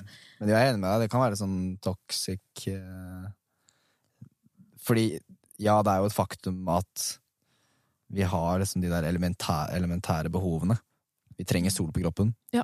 Vi trenger bevegelse. Vi Ja. trenger riktig næring, og vi trenger liksom søvn og Jeg er helt enig. Men, men, Men- eh, det handler ikke om det på en måte i den situasjonen. Nei. Og så tenker jeg òg at den realisasjon Realization, er det et ord? Realisasjon? Really. Den Relasere, vi kan ta det på engelsk. Ja. Realization. Å komme dit, da, i, i sin tankeprosess, om at man kanskje burde gå en tur, eller kanskje man skal ta en joggetur i dag, Mm. det må komme fra en selv. Det kan ikke påføres fra andre. Dessverre. Det er synd å si. Altså sånn Mm. Det er en grunn til at det kommer for eksempel eh, et nytt eh, boyband hvert 20. år. Det er fordi at det er en generasjon som ikke har opplevd det før. det er liksom sånn Vi må repetere. Det er, det er en grunn til at nye, nye kriger oppstår hele tiden. Vi må lære av de Mm. Vi må gå gjennom det, dessverre. Det holder ikke å si sånn Ja, i 1945 så gikk vi gjennom eh, eh, hjernevasking på høyt nivå. La oss ikke repetere det igjen. Og så. Men så Men så går det noen år, og så øh, blir folk gamle, og så kommer det noen nye, og så glemmer man litt det, og så Og så tenker man at jeg er ikke i stand til å bli hjernevaska. Eh, altså, men så man Tror vi alle er det til en viss grad. ja, man må gå liksom gjennom det selv på nytt. Og, gjerne, og det er ikke nødvendigvis noe Altså, vi alle manipulerer jo hverandre hele tiden. Men det kan jo være en positiv ting òg. Mm. Kan jo manipulere i positiv forstand. Mm. Det er ikke sånn at jeg sitter og tenker sånn, nå skal jeg manipulere deg, men det er jo det man gjør. man Barn er jo veldig manipulative, men de må Barn, ja. være det fordi, for overlevelsens skyld. Ja. ja, hvordan da? De trenger at voksne eh, syns de er søte. De trenger at voksne syns at eh, blir Eh. sett, liksom. Ja, Mm. når, når man Altså sånn, hvorfor ser barn opp på deg sånn Kan jeg få en kjeks? Vær så snill. Vær så snill. Skru på øynene. I love you. Så er det sånn Det er jo Manipulerende psykopat. Ja. ja, det er Ja, man, noen kan tenke sånn Du er et manipulerende barn, du. Men det er sånn er Det er helt naturlig i den alderen. Det er kanskje på et grunnleggende biologisk nivå. Det er for å overleve. Mm. Det er veldig interessant. Eh, men, ok, det er også veldig interessant. Men jeg, bare for å ta den der igjen, at jeg syns det er eh, ikke fascinerende, men det er interessant det med mental helse i forhold til det vi snakket om, da. Det å liksom ta seg tur og sånne ting. For jeg er helt enig om at det, det er noe som må komme fra deg selv. Mm. Akkurat som jeg kunne aldri hjulpet deg hvis ikke du har lyst til å hjelpe deg selv, og motsatt. Nei. Man må på en måte komme dit selv, men Ja. noen ganger så trenger man andre mennesker til å ha nøkkelen, bare.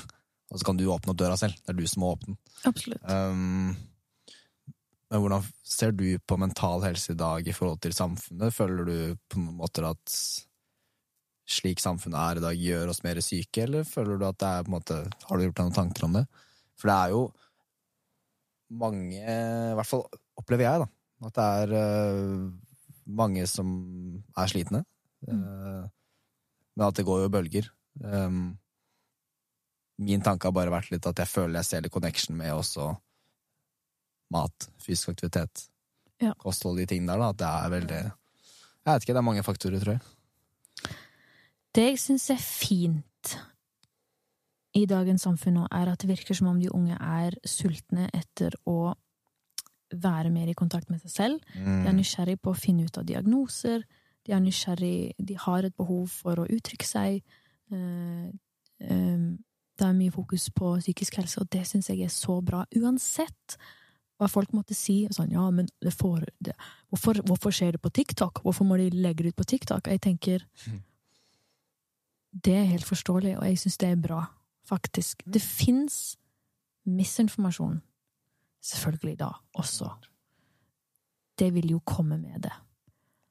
Um, det jeg er redd for det kan, Og det kan hende at dette her er en helt irrasjonell frykt, for det er ikke sikkert det er, at det er noe å frykte, fordi vi alle mennesker har et behov for å connecte med hverandre hverandre på et personlig plan. Eh, Men det kan godt hende at en virtuell verden er like ekte for noen. Det har jeg gått og tenkt litt på. Jeg har ofte tenkt sånn Nei, vi må ut og ut i naturen. Og jeg er nok veldig Altså, for meg så er det ekte, men for noen Og her har jeg et, egentlig et godt poeng som jeg kan snakke litt mer om etterpå, men Eh, tid. Jeg tenker at um, det jeg er litt redd for, uh, er at fordi vi bruker så mye tid på disse devicene, Mm. er at vi, vi lærer ikke for eksempel noe av det viktigste av alt, og det er å løse konflikter sammen i rommet. Det at jeg klarte å sette meg ned med hun venninna mi, tilbake til det, Mm. at jeg klarte å løse en konflikt i rommet der og da, Mm. det lærer vi ikke på sosiale medier, dessverre. Og det er jeg litt nervøs for. At det blir sånn den som, At folk bare skriker høyt fra høyre og venstre, uten at man Fordi du, du kan velge å delta eller ikke, og det er så enkelt å bare ah, Fy fader. Og så kaste, kaste Mm. Og så ikke delta mer. Mens når man sitter face to face, sånn som det her Jeg kan ikke, jeg kan ikke løpe ut. Jeg kan ikke forsvinne Nei, fra denne samtalen. Så hvis du vil gå, så kan du det. Ja. Men jeg skjønner hva du mener. Ja, men hvis noe blir ukomfortabelt og- Så sitter man i det. Ja, hvis jeg kan klare å sitte i det, så kanskje jeg lærer noe. Det er så interessant. Og det er jeg litt redd for at vi kanskje går glipp av ved å sitte for mye på skjerm. Samtidig som at jeg også syns det er bra at vi så Vi snakker så mye om psykisk, helge, eh, psykisk Mhm. helse Mm. på skjerm. Så det er et sånn toegget sverd. Og så vil jeg eh, snakke om en ting som skjedde meg mens jeg var eh, på jobb, for jeg var assistent på jobb Mm. sammen med hun jeg er assistent for. Og så var vi ute og spiste på hennes jobb, og så der satt en mann som jeg kom i kontakt med. Han spurte hva gjør du? Han var interessert i meg og hva jeg holdt på med. Og så, Jeg pleier egentlig ikke Jeg pleier holde, jeg pleier å være en grå mus, fordi jeg er her for henne, ikke for meg. Mm. Men jeg bare, siden han spør, så får jeg bare Ja, jeg er musiker, da. Mm. Jeg syns det er veldig gøy, og i, i, i det siste så har jeg lagd musikk for et spill, liksom, sa jeg da. Mm. Og han eh, sa sånn Å, det er så spennende. Jeg, eh, jeg spiller faktisk eh, Jeg spiller faktisk World of Warcraft selv. Og så så jeg på en mann, og han var kanskje 50 Og han satt der med slips. Han var ordentlig Vi satt der eh, med ordentlige folk. Ikke at det Det har noe å si, men det blir sånn sånn Oi, du, du der med stresskoffert og slips og briller, du, du spiller World of Warcraft. Sånt. Og så sa han sånn, ja, sønnen min spilte veldig mye World of uh, Warcraft. Han hadde han, Jeg husker ikke hva slags diagnose det var han gutten hadde, men det var noe autisme. Mm. Eh, kanskje det var en muskelsvinnsykdom også, som den gutten hadde. Og han spilte mye på nett, og det var en artikkel om det i NRK hvor han han var med i en guild, Mm. og den gilden gjorde det veldig bra. Og til slutt så ble han mer og mer fraværende. Han dukket ikke opp når de sa de skulle møtes opp på nett og, og spille sammen. Og til slutt så fant de andre ut i hans guild at han var død. Uff. Og da dukket det opp folk fra hele verden til hans begravelse. Wow. Det er Det det- er ganske rørende. Dette var Mm. Satt og snakket med hans far. Plutselig der, ved en middag. Og mistet sønnen. Og mistet sønnen sin. Men det som skjedde, var at i den begravelsen så ble de kjent med folk fra hele verden. Som var glad i hans sønn. Som hadde gjort et inntrykk på alle disse barna som spilte World of Warcraft. Fordi han var så vis, og han var så omsorgsfull, og han passet på alle på nett. Virtuelt. Em, Mm. og det som skjedde etterpå, var at faren begynte å plukke opp og spille World of Warcraft. Ja, det er sterkt. For en dyp historie, og så fint. Og liksom, i det øyeblikket der Før så hadde jeg hatt så mye sånn Sånn Og ingenting som skjer på skjerm er ekte. Det er ikke ekte. Du må ut i den virkelige verden. Men akkurat der, i det øyeblikket når jeg satt og snakka med han og bare Du er Jeg har lest den artikkelen, og du er han faren. Mm. Du spiller World of Warcraft nå. Og det er på en måte på, på den måten så blir han faktisk også litt kjent med sønnen sin gjennom de andre som han spilte med i det spillet. Det Det endret mitt syn totalt på på hva en virtuell verden kan faktisk være med å bidra. Det kan være veldig positivt for, for de som er litt utenfor, og som kanskje ikke kan bevege seg fysisk i den verden så godt. I det spillet så kan du løpe, Klart. du kan hoppe, du kan fly, du kan være hvem du vil. Det er jo litt sånn kanskje måten jeg også er i musikk, at jeg kan, jeg kan lage det jeg vil. Jeg kan skape en verden ut fra Som jeg ikke, ikke kan gjøre i det, virkelige livet. Kan være, liksom. Kan bli. Skape musikk, skape melodi. Og det er noe skikkelig vakkert over det. Helt klart. Så Wow. ja, det var et helt sånn unikt møte, og det glemmer jeg. Det tror jeg gjorde Gjorde mye. Og det har gjort at hver gang nå når vi Jeg ble litt inspirert til å fortsette å skrive mer for spill sammen med bandet mitt. Det ble sånn Spill. Det er det nå. Det er, og så er det liksom noe med folka som spiller spill. Mm. De er så Det er et så enormt sånn community, Mm. og de er så uh, collaborative. Altså, de samarbeider. De elsker å samarbeide, og det fins rom for alle. Uh, uansett hvordan man ser ut, eller hva man gjør. Alle har noe å bidra med. Mm. Enig. Og det Ja, det Det syns jeg ja, det, jeg, jeg har bare spilt mye Sims eh, i min barndom. Du har spilt en del Sims. ja. Mm. Jeg tør ikke spille det så mye nå i voksen alder, fordi jeg vet jeg blir avhengig. Jeg syns det er Jeg elsker det. Men eh, Kjenner meg igjen. Jeg, ja. jeg, jeg, det er en grunn til at jeg ikke har Altså, jeg skal si mer til det du sa, jeg tror jeg er ferdig. Ja, jeg tror jeg er ferdig. Ja, ja, nei, jeg kunne ikke Altså, det er en grunn til at jeg ikke har uh, PlayStation eller noe. Jeg veit at jeg hadde blitt Altså, jeg blir helt obsessed. Ja. I hvert fall med spill. Uavhengig av det. Veldig sterk historie. Um, jeg er også enig med deg. Jeg tror ikke det verken er svart eller hvitt og så negativt. Hører mye hat på det med virtuell verden og det at vi mister kontakten med oss selv, men så er det så mye positive sider ved det òg, da. Og det går jo litt til for eksempel spørsmålet er sosiale medier bra. Mm. Jeg tror ikke det nødvendigvis kun handler om sosiale medier, jeg tror det handler om hvordan det blir brukt Mm. hvordan vi velger å bruke det. Er det balansert, er det godt ut av kontroll? Og det samme gjelder jo det her òg, og den historien du delte òg, hvor, hvor fint var ikke det? Ikke Mm. bare altså, ja. Det å kunne bidra så mye, da, Ja. over nett.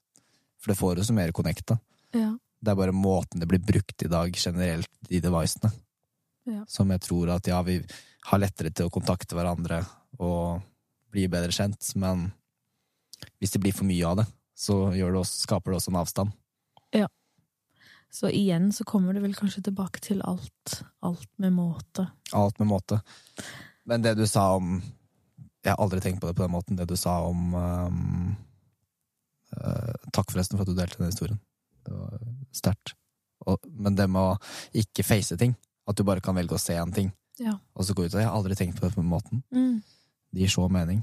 Og Mm. det tror jeg er en litt farlig ting. Det kan være, hvis man ikke er bevisst over det. Ja, for man, man lærer ikke å stå i det som er ukomfortabelt. Nei, og, og ikke bare det, men du tar jo Eller jo, det er jo det, men sånn eh, med tanke på uh, ubehagelige tanker òg, da. Ja. For jeg, jeg har jobba veldig mye med å bli mer og mer bevisst over når jeg tar opp telefonen, når jeg, når jeg har lyst på mat, når jeg har lyst på kaffe, Mm. uh, nikotin. Og det er jo ofte, veldig ofte hvis jeg liksom Ok, nå skal jeg ta opp telefonen, og så er det sånn jeg, Hva skal jeg egentlig på telefonen? Jeg har ikke noen intensjon, egentlig. Jeg skal bare scrolle litt. Hva er det, og så går jeg litt tilbake. Hva er det jeg tenkte på? Ja, stemmer det var det, ja. Ja. Du er usikker på hvordan jeg skal gjøre den tingen. Det var en bekymring. Det var noe stress. Og det er jo veldig farlig når vi på en måte liksom bare alltid dytter det bort. ja. Jeg tror det Ja, for man blir eh, Man velger liksom eh, På godt eh, engelsk The path of least resistance. mm, Minste motstands vei, heter det. minste motstander. Og det tror jeg ikke er så bra. Så når, ja, når man sitter face to face, så får man Man blir, eh, man blir tvunget til å svare. Man blir tvunget til å svare høflig, liksom, på, hvis det er en, en het debatt. Mm. Ja. Og så alle, alle ønsker jo også å forlate rommet på en god tone. Mm. Så man, det ligger en sånn slags følelse der om å La oss prøve å løse det før, før vi går hvert til vårt. Jeg tror det er kjempeviktig. Ja. Og det er det ikke. Den, den følelsen er det ikke nødvendigvis på internett. Nei, det er veldig mye Jeg føler at følelsene kommer like mye ut, det er bare på en sterkere måte. Ja. Og det går begge veier. Mm. Det går på Hvis du legger ut et bilde av deg selv, så er det mange som egentlig aldri ville snakka så mye med deg hvis de hadde møtt deg fysisk, men så bare 'Å, nydelig du er', du er kjempefin, 'Å, det der er kjempebra laget', at det er lettere. Men du hører ikke det like mye hvis du går i gangen der du jobber med nye klær, så er det ikke alle som bare 'Å, for nydelig kjole', altså. Ja. Det ikke, men det går også andre veien. Mm. Det er lettere for folk å liksom mobbe, da. Ja. Spesielt på tunge, på Ja. TikTok og sånne ting. Som Det jeg har blitt flinkere på angående mobbing på nett, kan også være litt fint å ta med seg videre, er jo hvem er det som sier det? Det har jeg begynt å spørre meg selv. Fordi i den som kommer med feedback til meg i det virkelige liv, den vurderer jeg. Hvem er det som gir meg feedback? mm. Er det en person jeg respekterer? Eller er det en fremmed? Og det er litt det samme på nett. Altså, hvem er du? Ikke sant? Så når noen, noen sier sånn til musikken, for eksempel, bare It's okay. This is bad. Ja, eller sånn Nah, not for me. Så jeg sånn That's okay.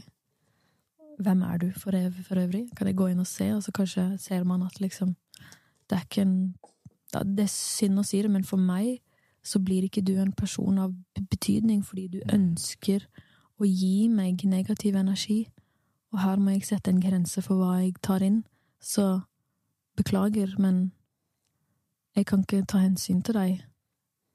Fordi du vil meg. Intensjonen din er ikke rett. Mm. Hvis du har god intensjon, og du ønsker å gi meg nyttig feedback, da skal jeg lytte. Mm. Veldig interessant. Mm. Og så er det jo litt sånn Hvis du vet med deg selv og har en standard for deg selv, at du også hvis du har en verdi i deg selv, da. Mm. Noe som ikke er like lett når du er ung. Altså, Nei, det er jeg prøver like ikke å sette det på unge mennesker. Altså, det, det er veldig tøft. Um,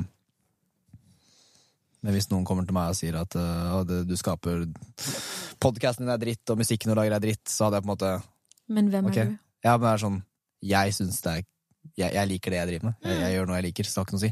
Nettopp. Det, det, var- det er også veldig Ja, viktig. Det glemte jeg å si. Det er veldig viktig. Det er godt vi kan fullføre hverandres ja.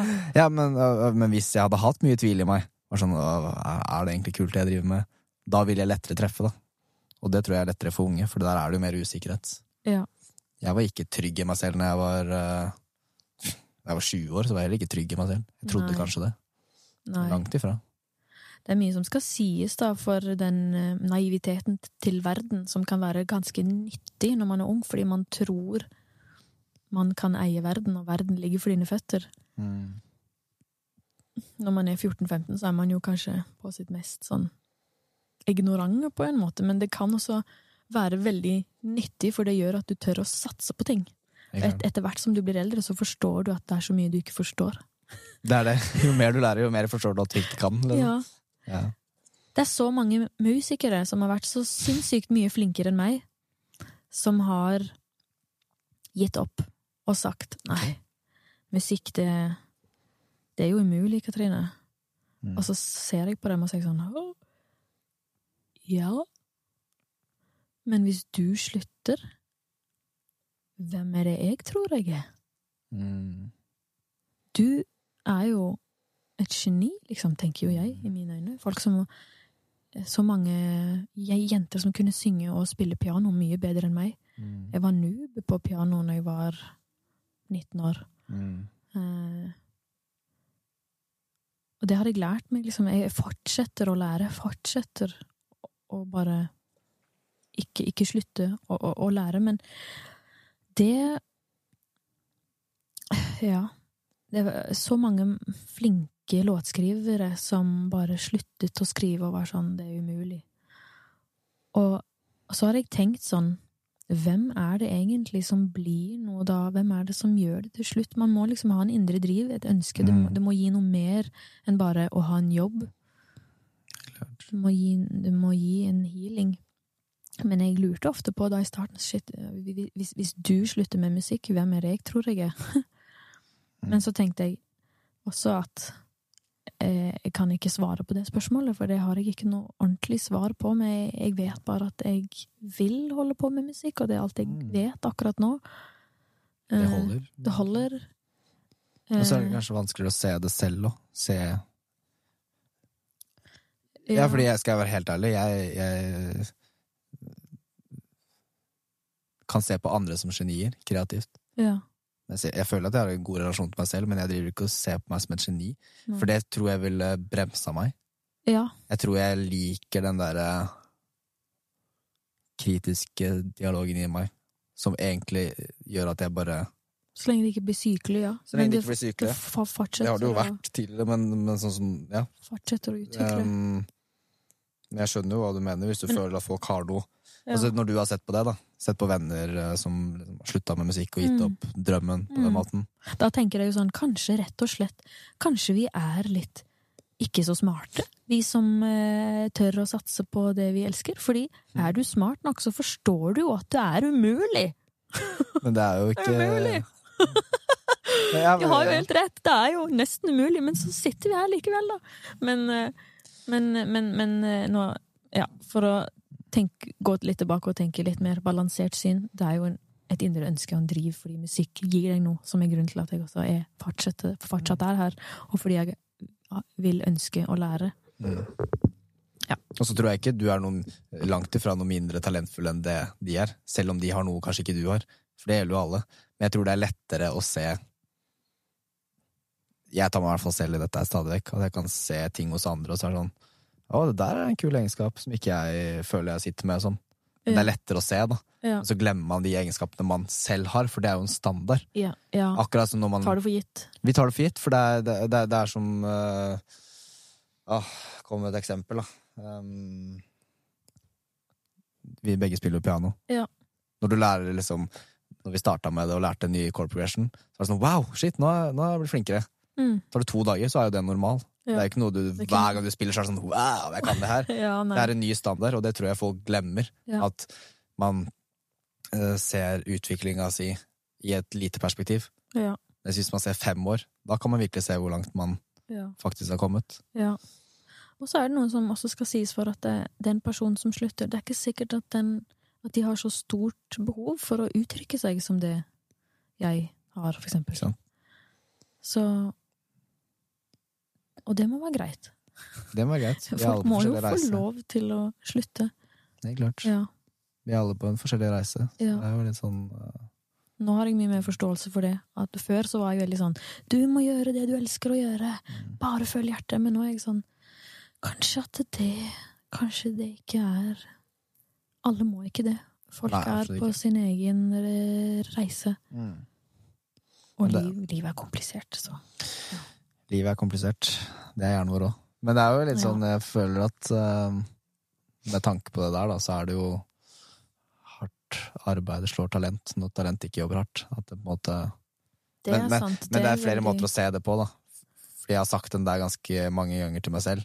Men så er det sånn, hva er hardt arbeid egentlig? Skal du egentlig jobbe så hardt? Nei, Eller skal man ja. egentlig finne en sånn ro og fly til ting? For det er jo når man Jeg har fått tenkt på det mye i det siste. Jeg var en tur i Hellas for noen uker siden Mm. for å ta meg en uke fri med en venn av meg.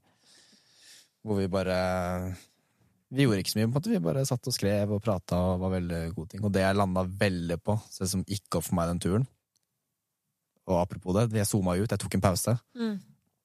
eh, var at jeg, jeg driver jo og chaser ting. Jeg har jo liksom Hvis målet ditt er her, og du chaser det målet, så vil du på en måte løpe litt fra det. Ja. Mens hvis du på en måte finner en ro i deg selv og har en balansert uh, approach i det du driver med og det du liker, så plutselig kommer muligheter mer, fordi du slipper på en måte på stress og bekymringer og Jeg syns det der er veldig fascinerende, bare. Det er fascinerende, og det er rart.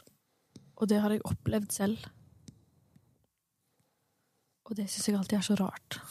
Hvordan har du opplevd det? At suksess kom.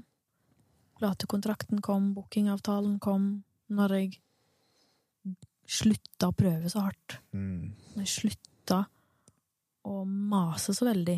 Mm. Da var de interessert. Da kommer det, vet du.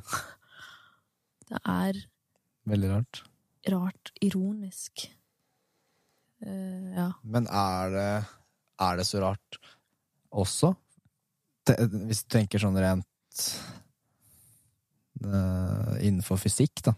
Hvordan eh, energi tiltrekker seg lik energi.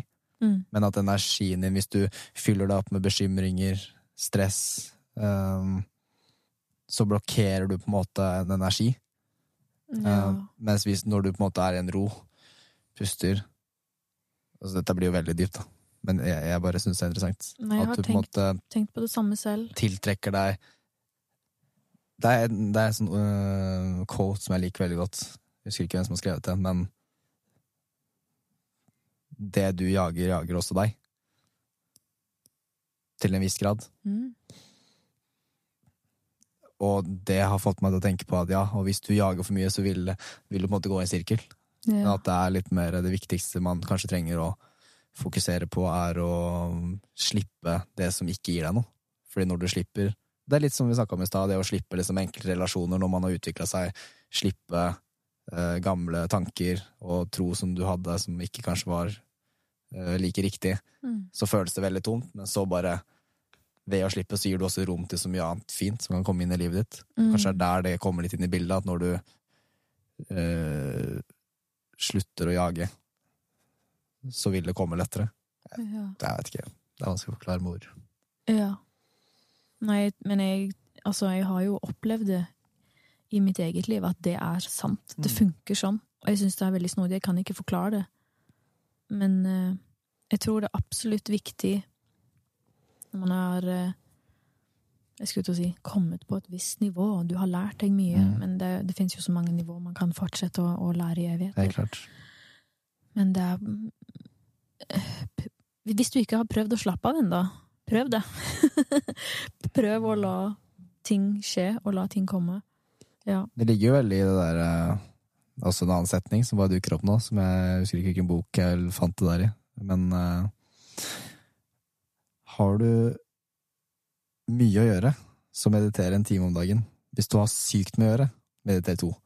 Det er ikke sånn at man trenger å liksom følge den nødvendigvis, men for meg så gir det veldig mening, fordi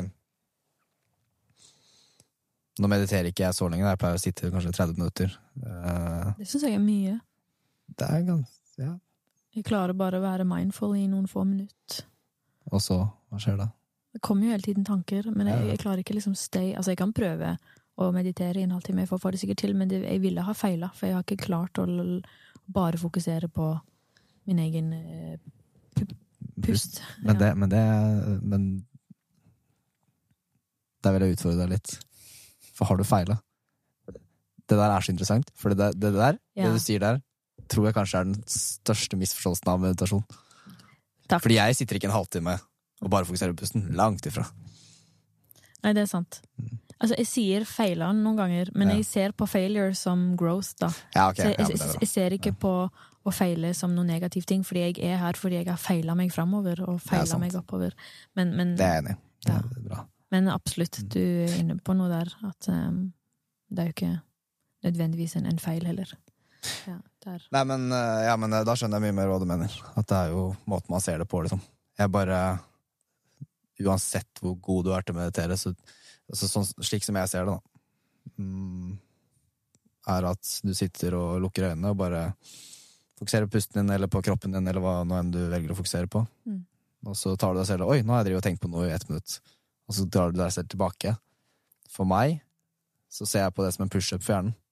Hver gang du drar deg tilbake, så tar du en pushup. Du blir sterkere. Ja. For det jeg har merka mer og mer etter å øve, det, øve på den teknikken, at du liksom drar deg selv tilbake, er at jeg kan lettere ta meg selv i negative tanke, tankeganger sånn ellers Mm. i livet òg. At jeg kan gå på gata og så bare begynner jeg å tenke på ting, og så bare sånn «Mm, Nei, det gir ikke jeg å tenke på. Ja.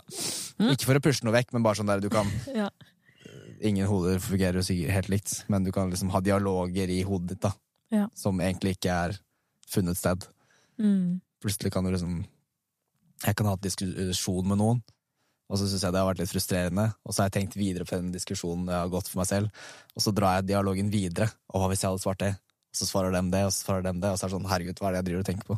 Det er jo ikke virkelig den samtalen her. Jeg bare går rundt og frustrerer meg over noe som ikke finnes. Mm. Sånne ting ble jeg mye flinkere på å ta meg selv etter de der Ja. pushupene for hjernen. Mm. Mm. Det er sant. Mm.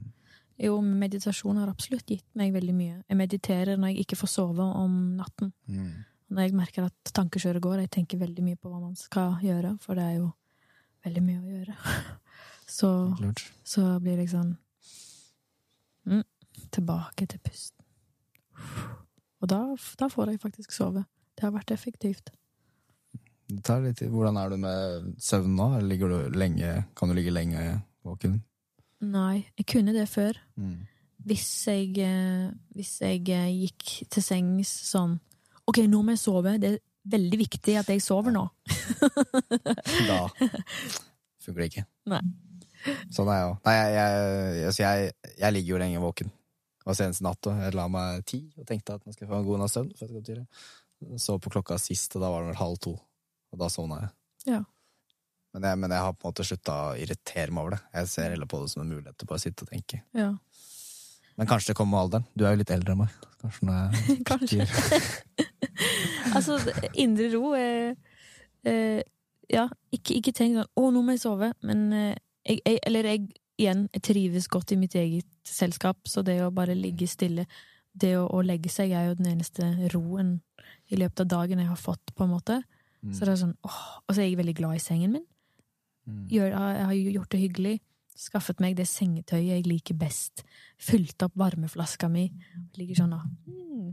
Og da er jeg liksom sånn Deilig, da. Mitt space. Ja, den, Ja. ja. kos. Ja, den det Ja. er klart. Ja. Ja, helt klart.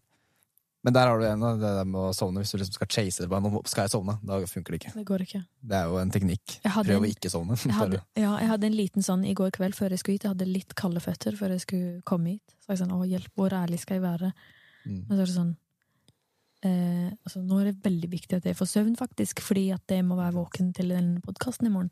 Eh, Så er det sånn, og da tenkte jeg med en gang sånn Nei, nei det, ikke, det skal du i hvert fall ikke tenke på. Du bare, nå skal du bare ligge her og gjøre sånn som du alltid gjør. Mm. Ja, det, Ja. du har helt rett. Yes, det skal jeg. Jeg har en sånn indre dialog. Yes, jeg skal bare ligge her og slappe av. Ja, mm, det skjer, det som skjer.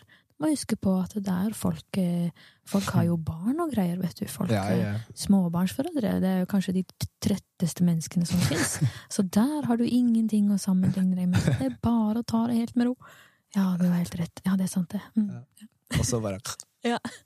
Det er jo sykt nice, da. Jeg, jeg har også den derre eh, dialogen noen ganger, at det er sånn derre Ja, nå er kroppen sliten, da. Nå trenger hjernen å sove litt, nå. Ja. Og så snakker jeg det sånn til meg selv inni hodet mitt. og så bare Sånn. Da merker jeg at jeg blir nesten litt trøtt av å bare si noe. Ja. Vi har snakket lenge.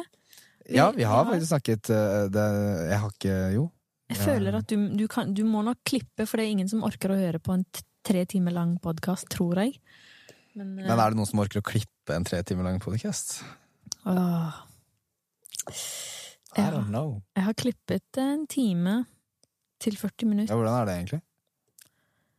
Ja, for jeg, for jeg, eh, grunnen til at jeg spør, er for at jeg klipper ikke Jeg, eller jeg har ikke pleid å klippe. Med mindre det liksom har vært en sånn Jeg føler vi kan ta bort det der, for det kom ikke ut slik det skulle, eller noe. Så Ja. det har vært ønskelig. Um, men jeg, jeg liker det litt ekte, da. Ja. sånn, ja. Det er, litt, er det ikke det Joe Rogan også gjør? Får folk til å snakke i eveter.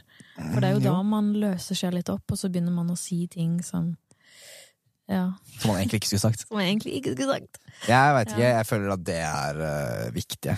Mer ufiltrert. eh. Men, men, men det, det er flere perspektiv på det, da. Jeg har en kompis som har klippa podkast. Um, eh, litt større podcaster.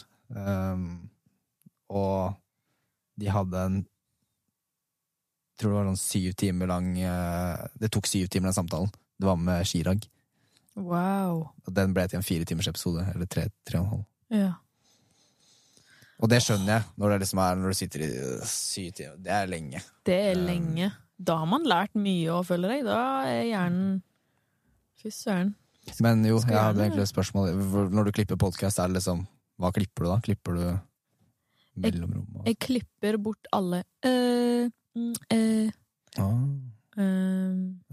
øh, Klipp. Det gjør jeg når jeg lager, hvis jeg lager content på sosiale medier. Da klipper jeg sånne ting. Og en annen ting når eh, i den podkasten, da, eh, som ikke har kommet ut ennå, men eh, det er akademikere som er med, og akademikere, akademikere kan ha en tendens til å gjenta det samme poenget som de akkurat sa, en gang til, bare med en litt annen formulering for å være mer historisk korrekt. Exact. Og da blir man sånn yeah, folk skjønte den, liksom. Det går fint. Det, eh, så jeg, jeg klipper bort det, det første eller det andre du sier, en gang til, fordi? Vi har skjønt For å få det mer. Ja, men det er fint. Ja, men da skjønner jeg. Men eh, jo, vi har prata en stund, og jeg er veldig glad for samtalen, men før jeg liksom begynner å runde av, så har jeg jo litt lyst til å, for jeg har ikke spurt om ennå, eh, hvordan er det med konserter og turneringer fremover? Hva er planen der for ja, Kalandra? vi skal på en England-slash-europaturné nå, som begynner 17. november. Da skal vi spille i Leeds. Sammen med en annen artist som heter AA Williams, som britisk eh, eh, kvinnelig rockartist, vil jeg si. Liksom melankolsk rock. Veldig fint. Så jeg gleder meg veldig til det. Vi er, den tar slutt rundt 8.-9. desember. Mm. Og så skal vi spille på Havet i Trondheim den 13. desember. Og så Wow. spiller vi i Oslo på Salt den 14. desember. Nice. Jeg gleder meg. Ett av de i Norge skal jeg få med. Det er Ja. ikke noe tvil om. Gleder meg. Si fra, så gir jeg deg gjesteliste, vet du. Ja, jeg skal Jeg føler at det Ja, vi finner ut av det. Nei, men det er kult. det. Det er veldig kult. Jeg, nei, jeg gleder meg til å Så jeg har jo hørt mer på musikken, eh, både din og deres, nå de siste ukene, enn det jeg har gjort tidligere. mm. Det er eh, Det er virkelig unikt. Jeg digger det. Jeg digger når det er noe unikt. Du merker at her er det kommet fra et dyp. Det, Takk. Vi prøver å ta oss god tid når vi lager musikken. Mm. Eh, mine foreldre igjen er jo også veldig inspirert av eh, og glad i Pink Floyd, for eksempel. Mm. Kate Bush, eh, Deep Purple. Så det er liksom sånn ta tilbake noe av måten man skapte musikk på fra 70-tallet, og gjøre det i dag, hvor det er så høyt tempo. Jeg er sikker på, jeg, og jeg baserer dette bare på kun hva jeg selv føler, hvis jeg føler et savn for det, så er det garantert noen andre som føler det samme. Det. Og så har jeg bare satsa på at det Det er sikkert noen som føler det sånn. Og så har det vist seg at ja da, det er flere som savner litt den der lange måten. Og du, du, får en helt, du får et helt annet arrangement når man sitter litt lenger med ting. Helt klart, og det ser Altså, det synes jo i, eh, i eh, hva som kommer ut. Og ikke bare av musikk men også musikkvideoer. Altså den arbeiden dere har lagt i det greiene Ja. der. Det er insane, altså. Det, det ser jeg. Jeg- jeg- Grunnen til at jeg ser også at det er lagt i mye tid, er jo at det går jo med filmstudenter her. det er En søster som driver med film. Altså, det er mye jobb. mm, Og, og lage musikk og er mye jobb. Det er en ganske stor prosess før du har en idé til noe faktisk kommer ut. Absolutt. Så jeg anbefaler alle å sjekke ut musikkvideoene til Kalandra. Yes, sjekk det ut på youtube.com slash kalandramusic. Yay! Følg oss på Instagram og TikTok og hva enn. Vi er Kalandra Music. Det er anbefalt. Takk. Uavhengig av det, eller uansett, tusen takk for en veldig fin samtale, Karine. Tusen takk, Fredrik. Takk for at jeg fikk være her i dag. Det har vært en glede. Takk for at du kom. Du er alltid velkommen hit i studio for Skravle. Det er, eh, det er nydelig å møte mennesker og kunne ha gode samtaler. Ja. Det Enig. er noe jeg verdsetter høyt. Så jeg er uh, takknemlig for å sitte i den stolen her. Jeg er også takknemlig. Podkasten din var liksom noe jeg eh, tenkte at her, her har vi noe spesielt. Mm. Det it, it checks my boxes for uh, samtaler jeg kunne hørt på. Jeg liker de dype samtalene som Det går litt, går litt lenger ned i materien. Så Mer skal det bli. yes. Så håper jeg du som uh, lytter fortsatt ja, kanskje hente noe inspirasjon, eller har det bra, har det fint. Kos deg med ja. Vi sender positiv energi. Sender positiv energi til alle. Og hvis du trenger hjelp med kontrakter, kontrakter så eh, er jeg veldig eh, gira på å hjelpe, faktisk. Er Jeg vil hindre alle venner og flinke folk i å mm, sette foten i salaten. Takk. Takk for oss. Ha det bra. Ha det bra.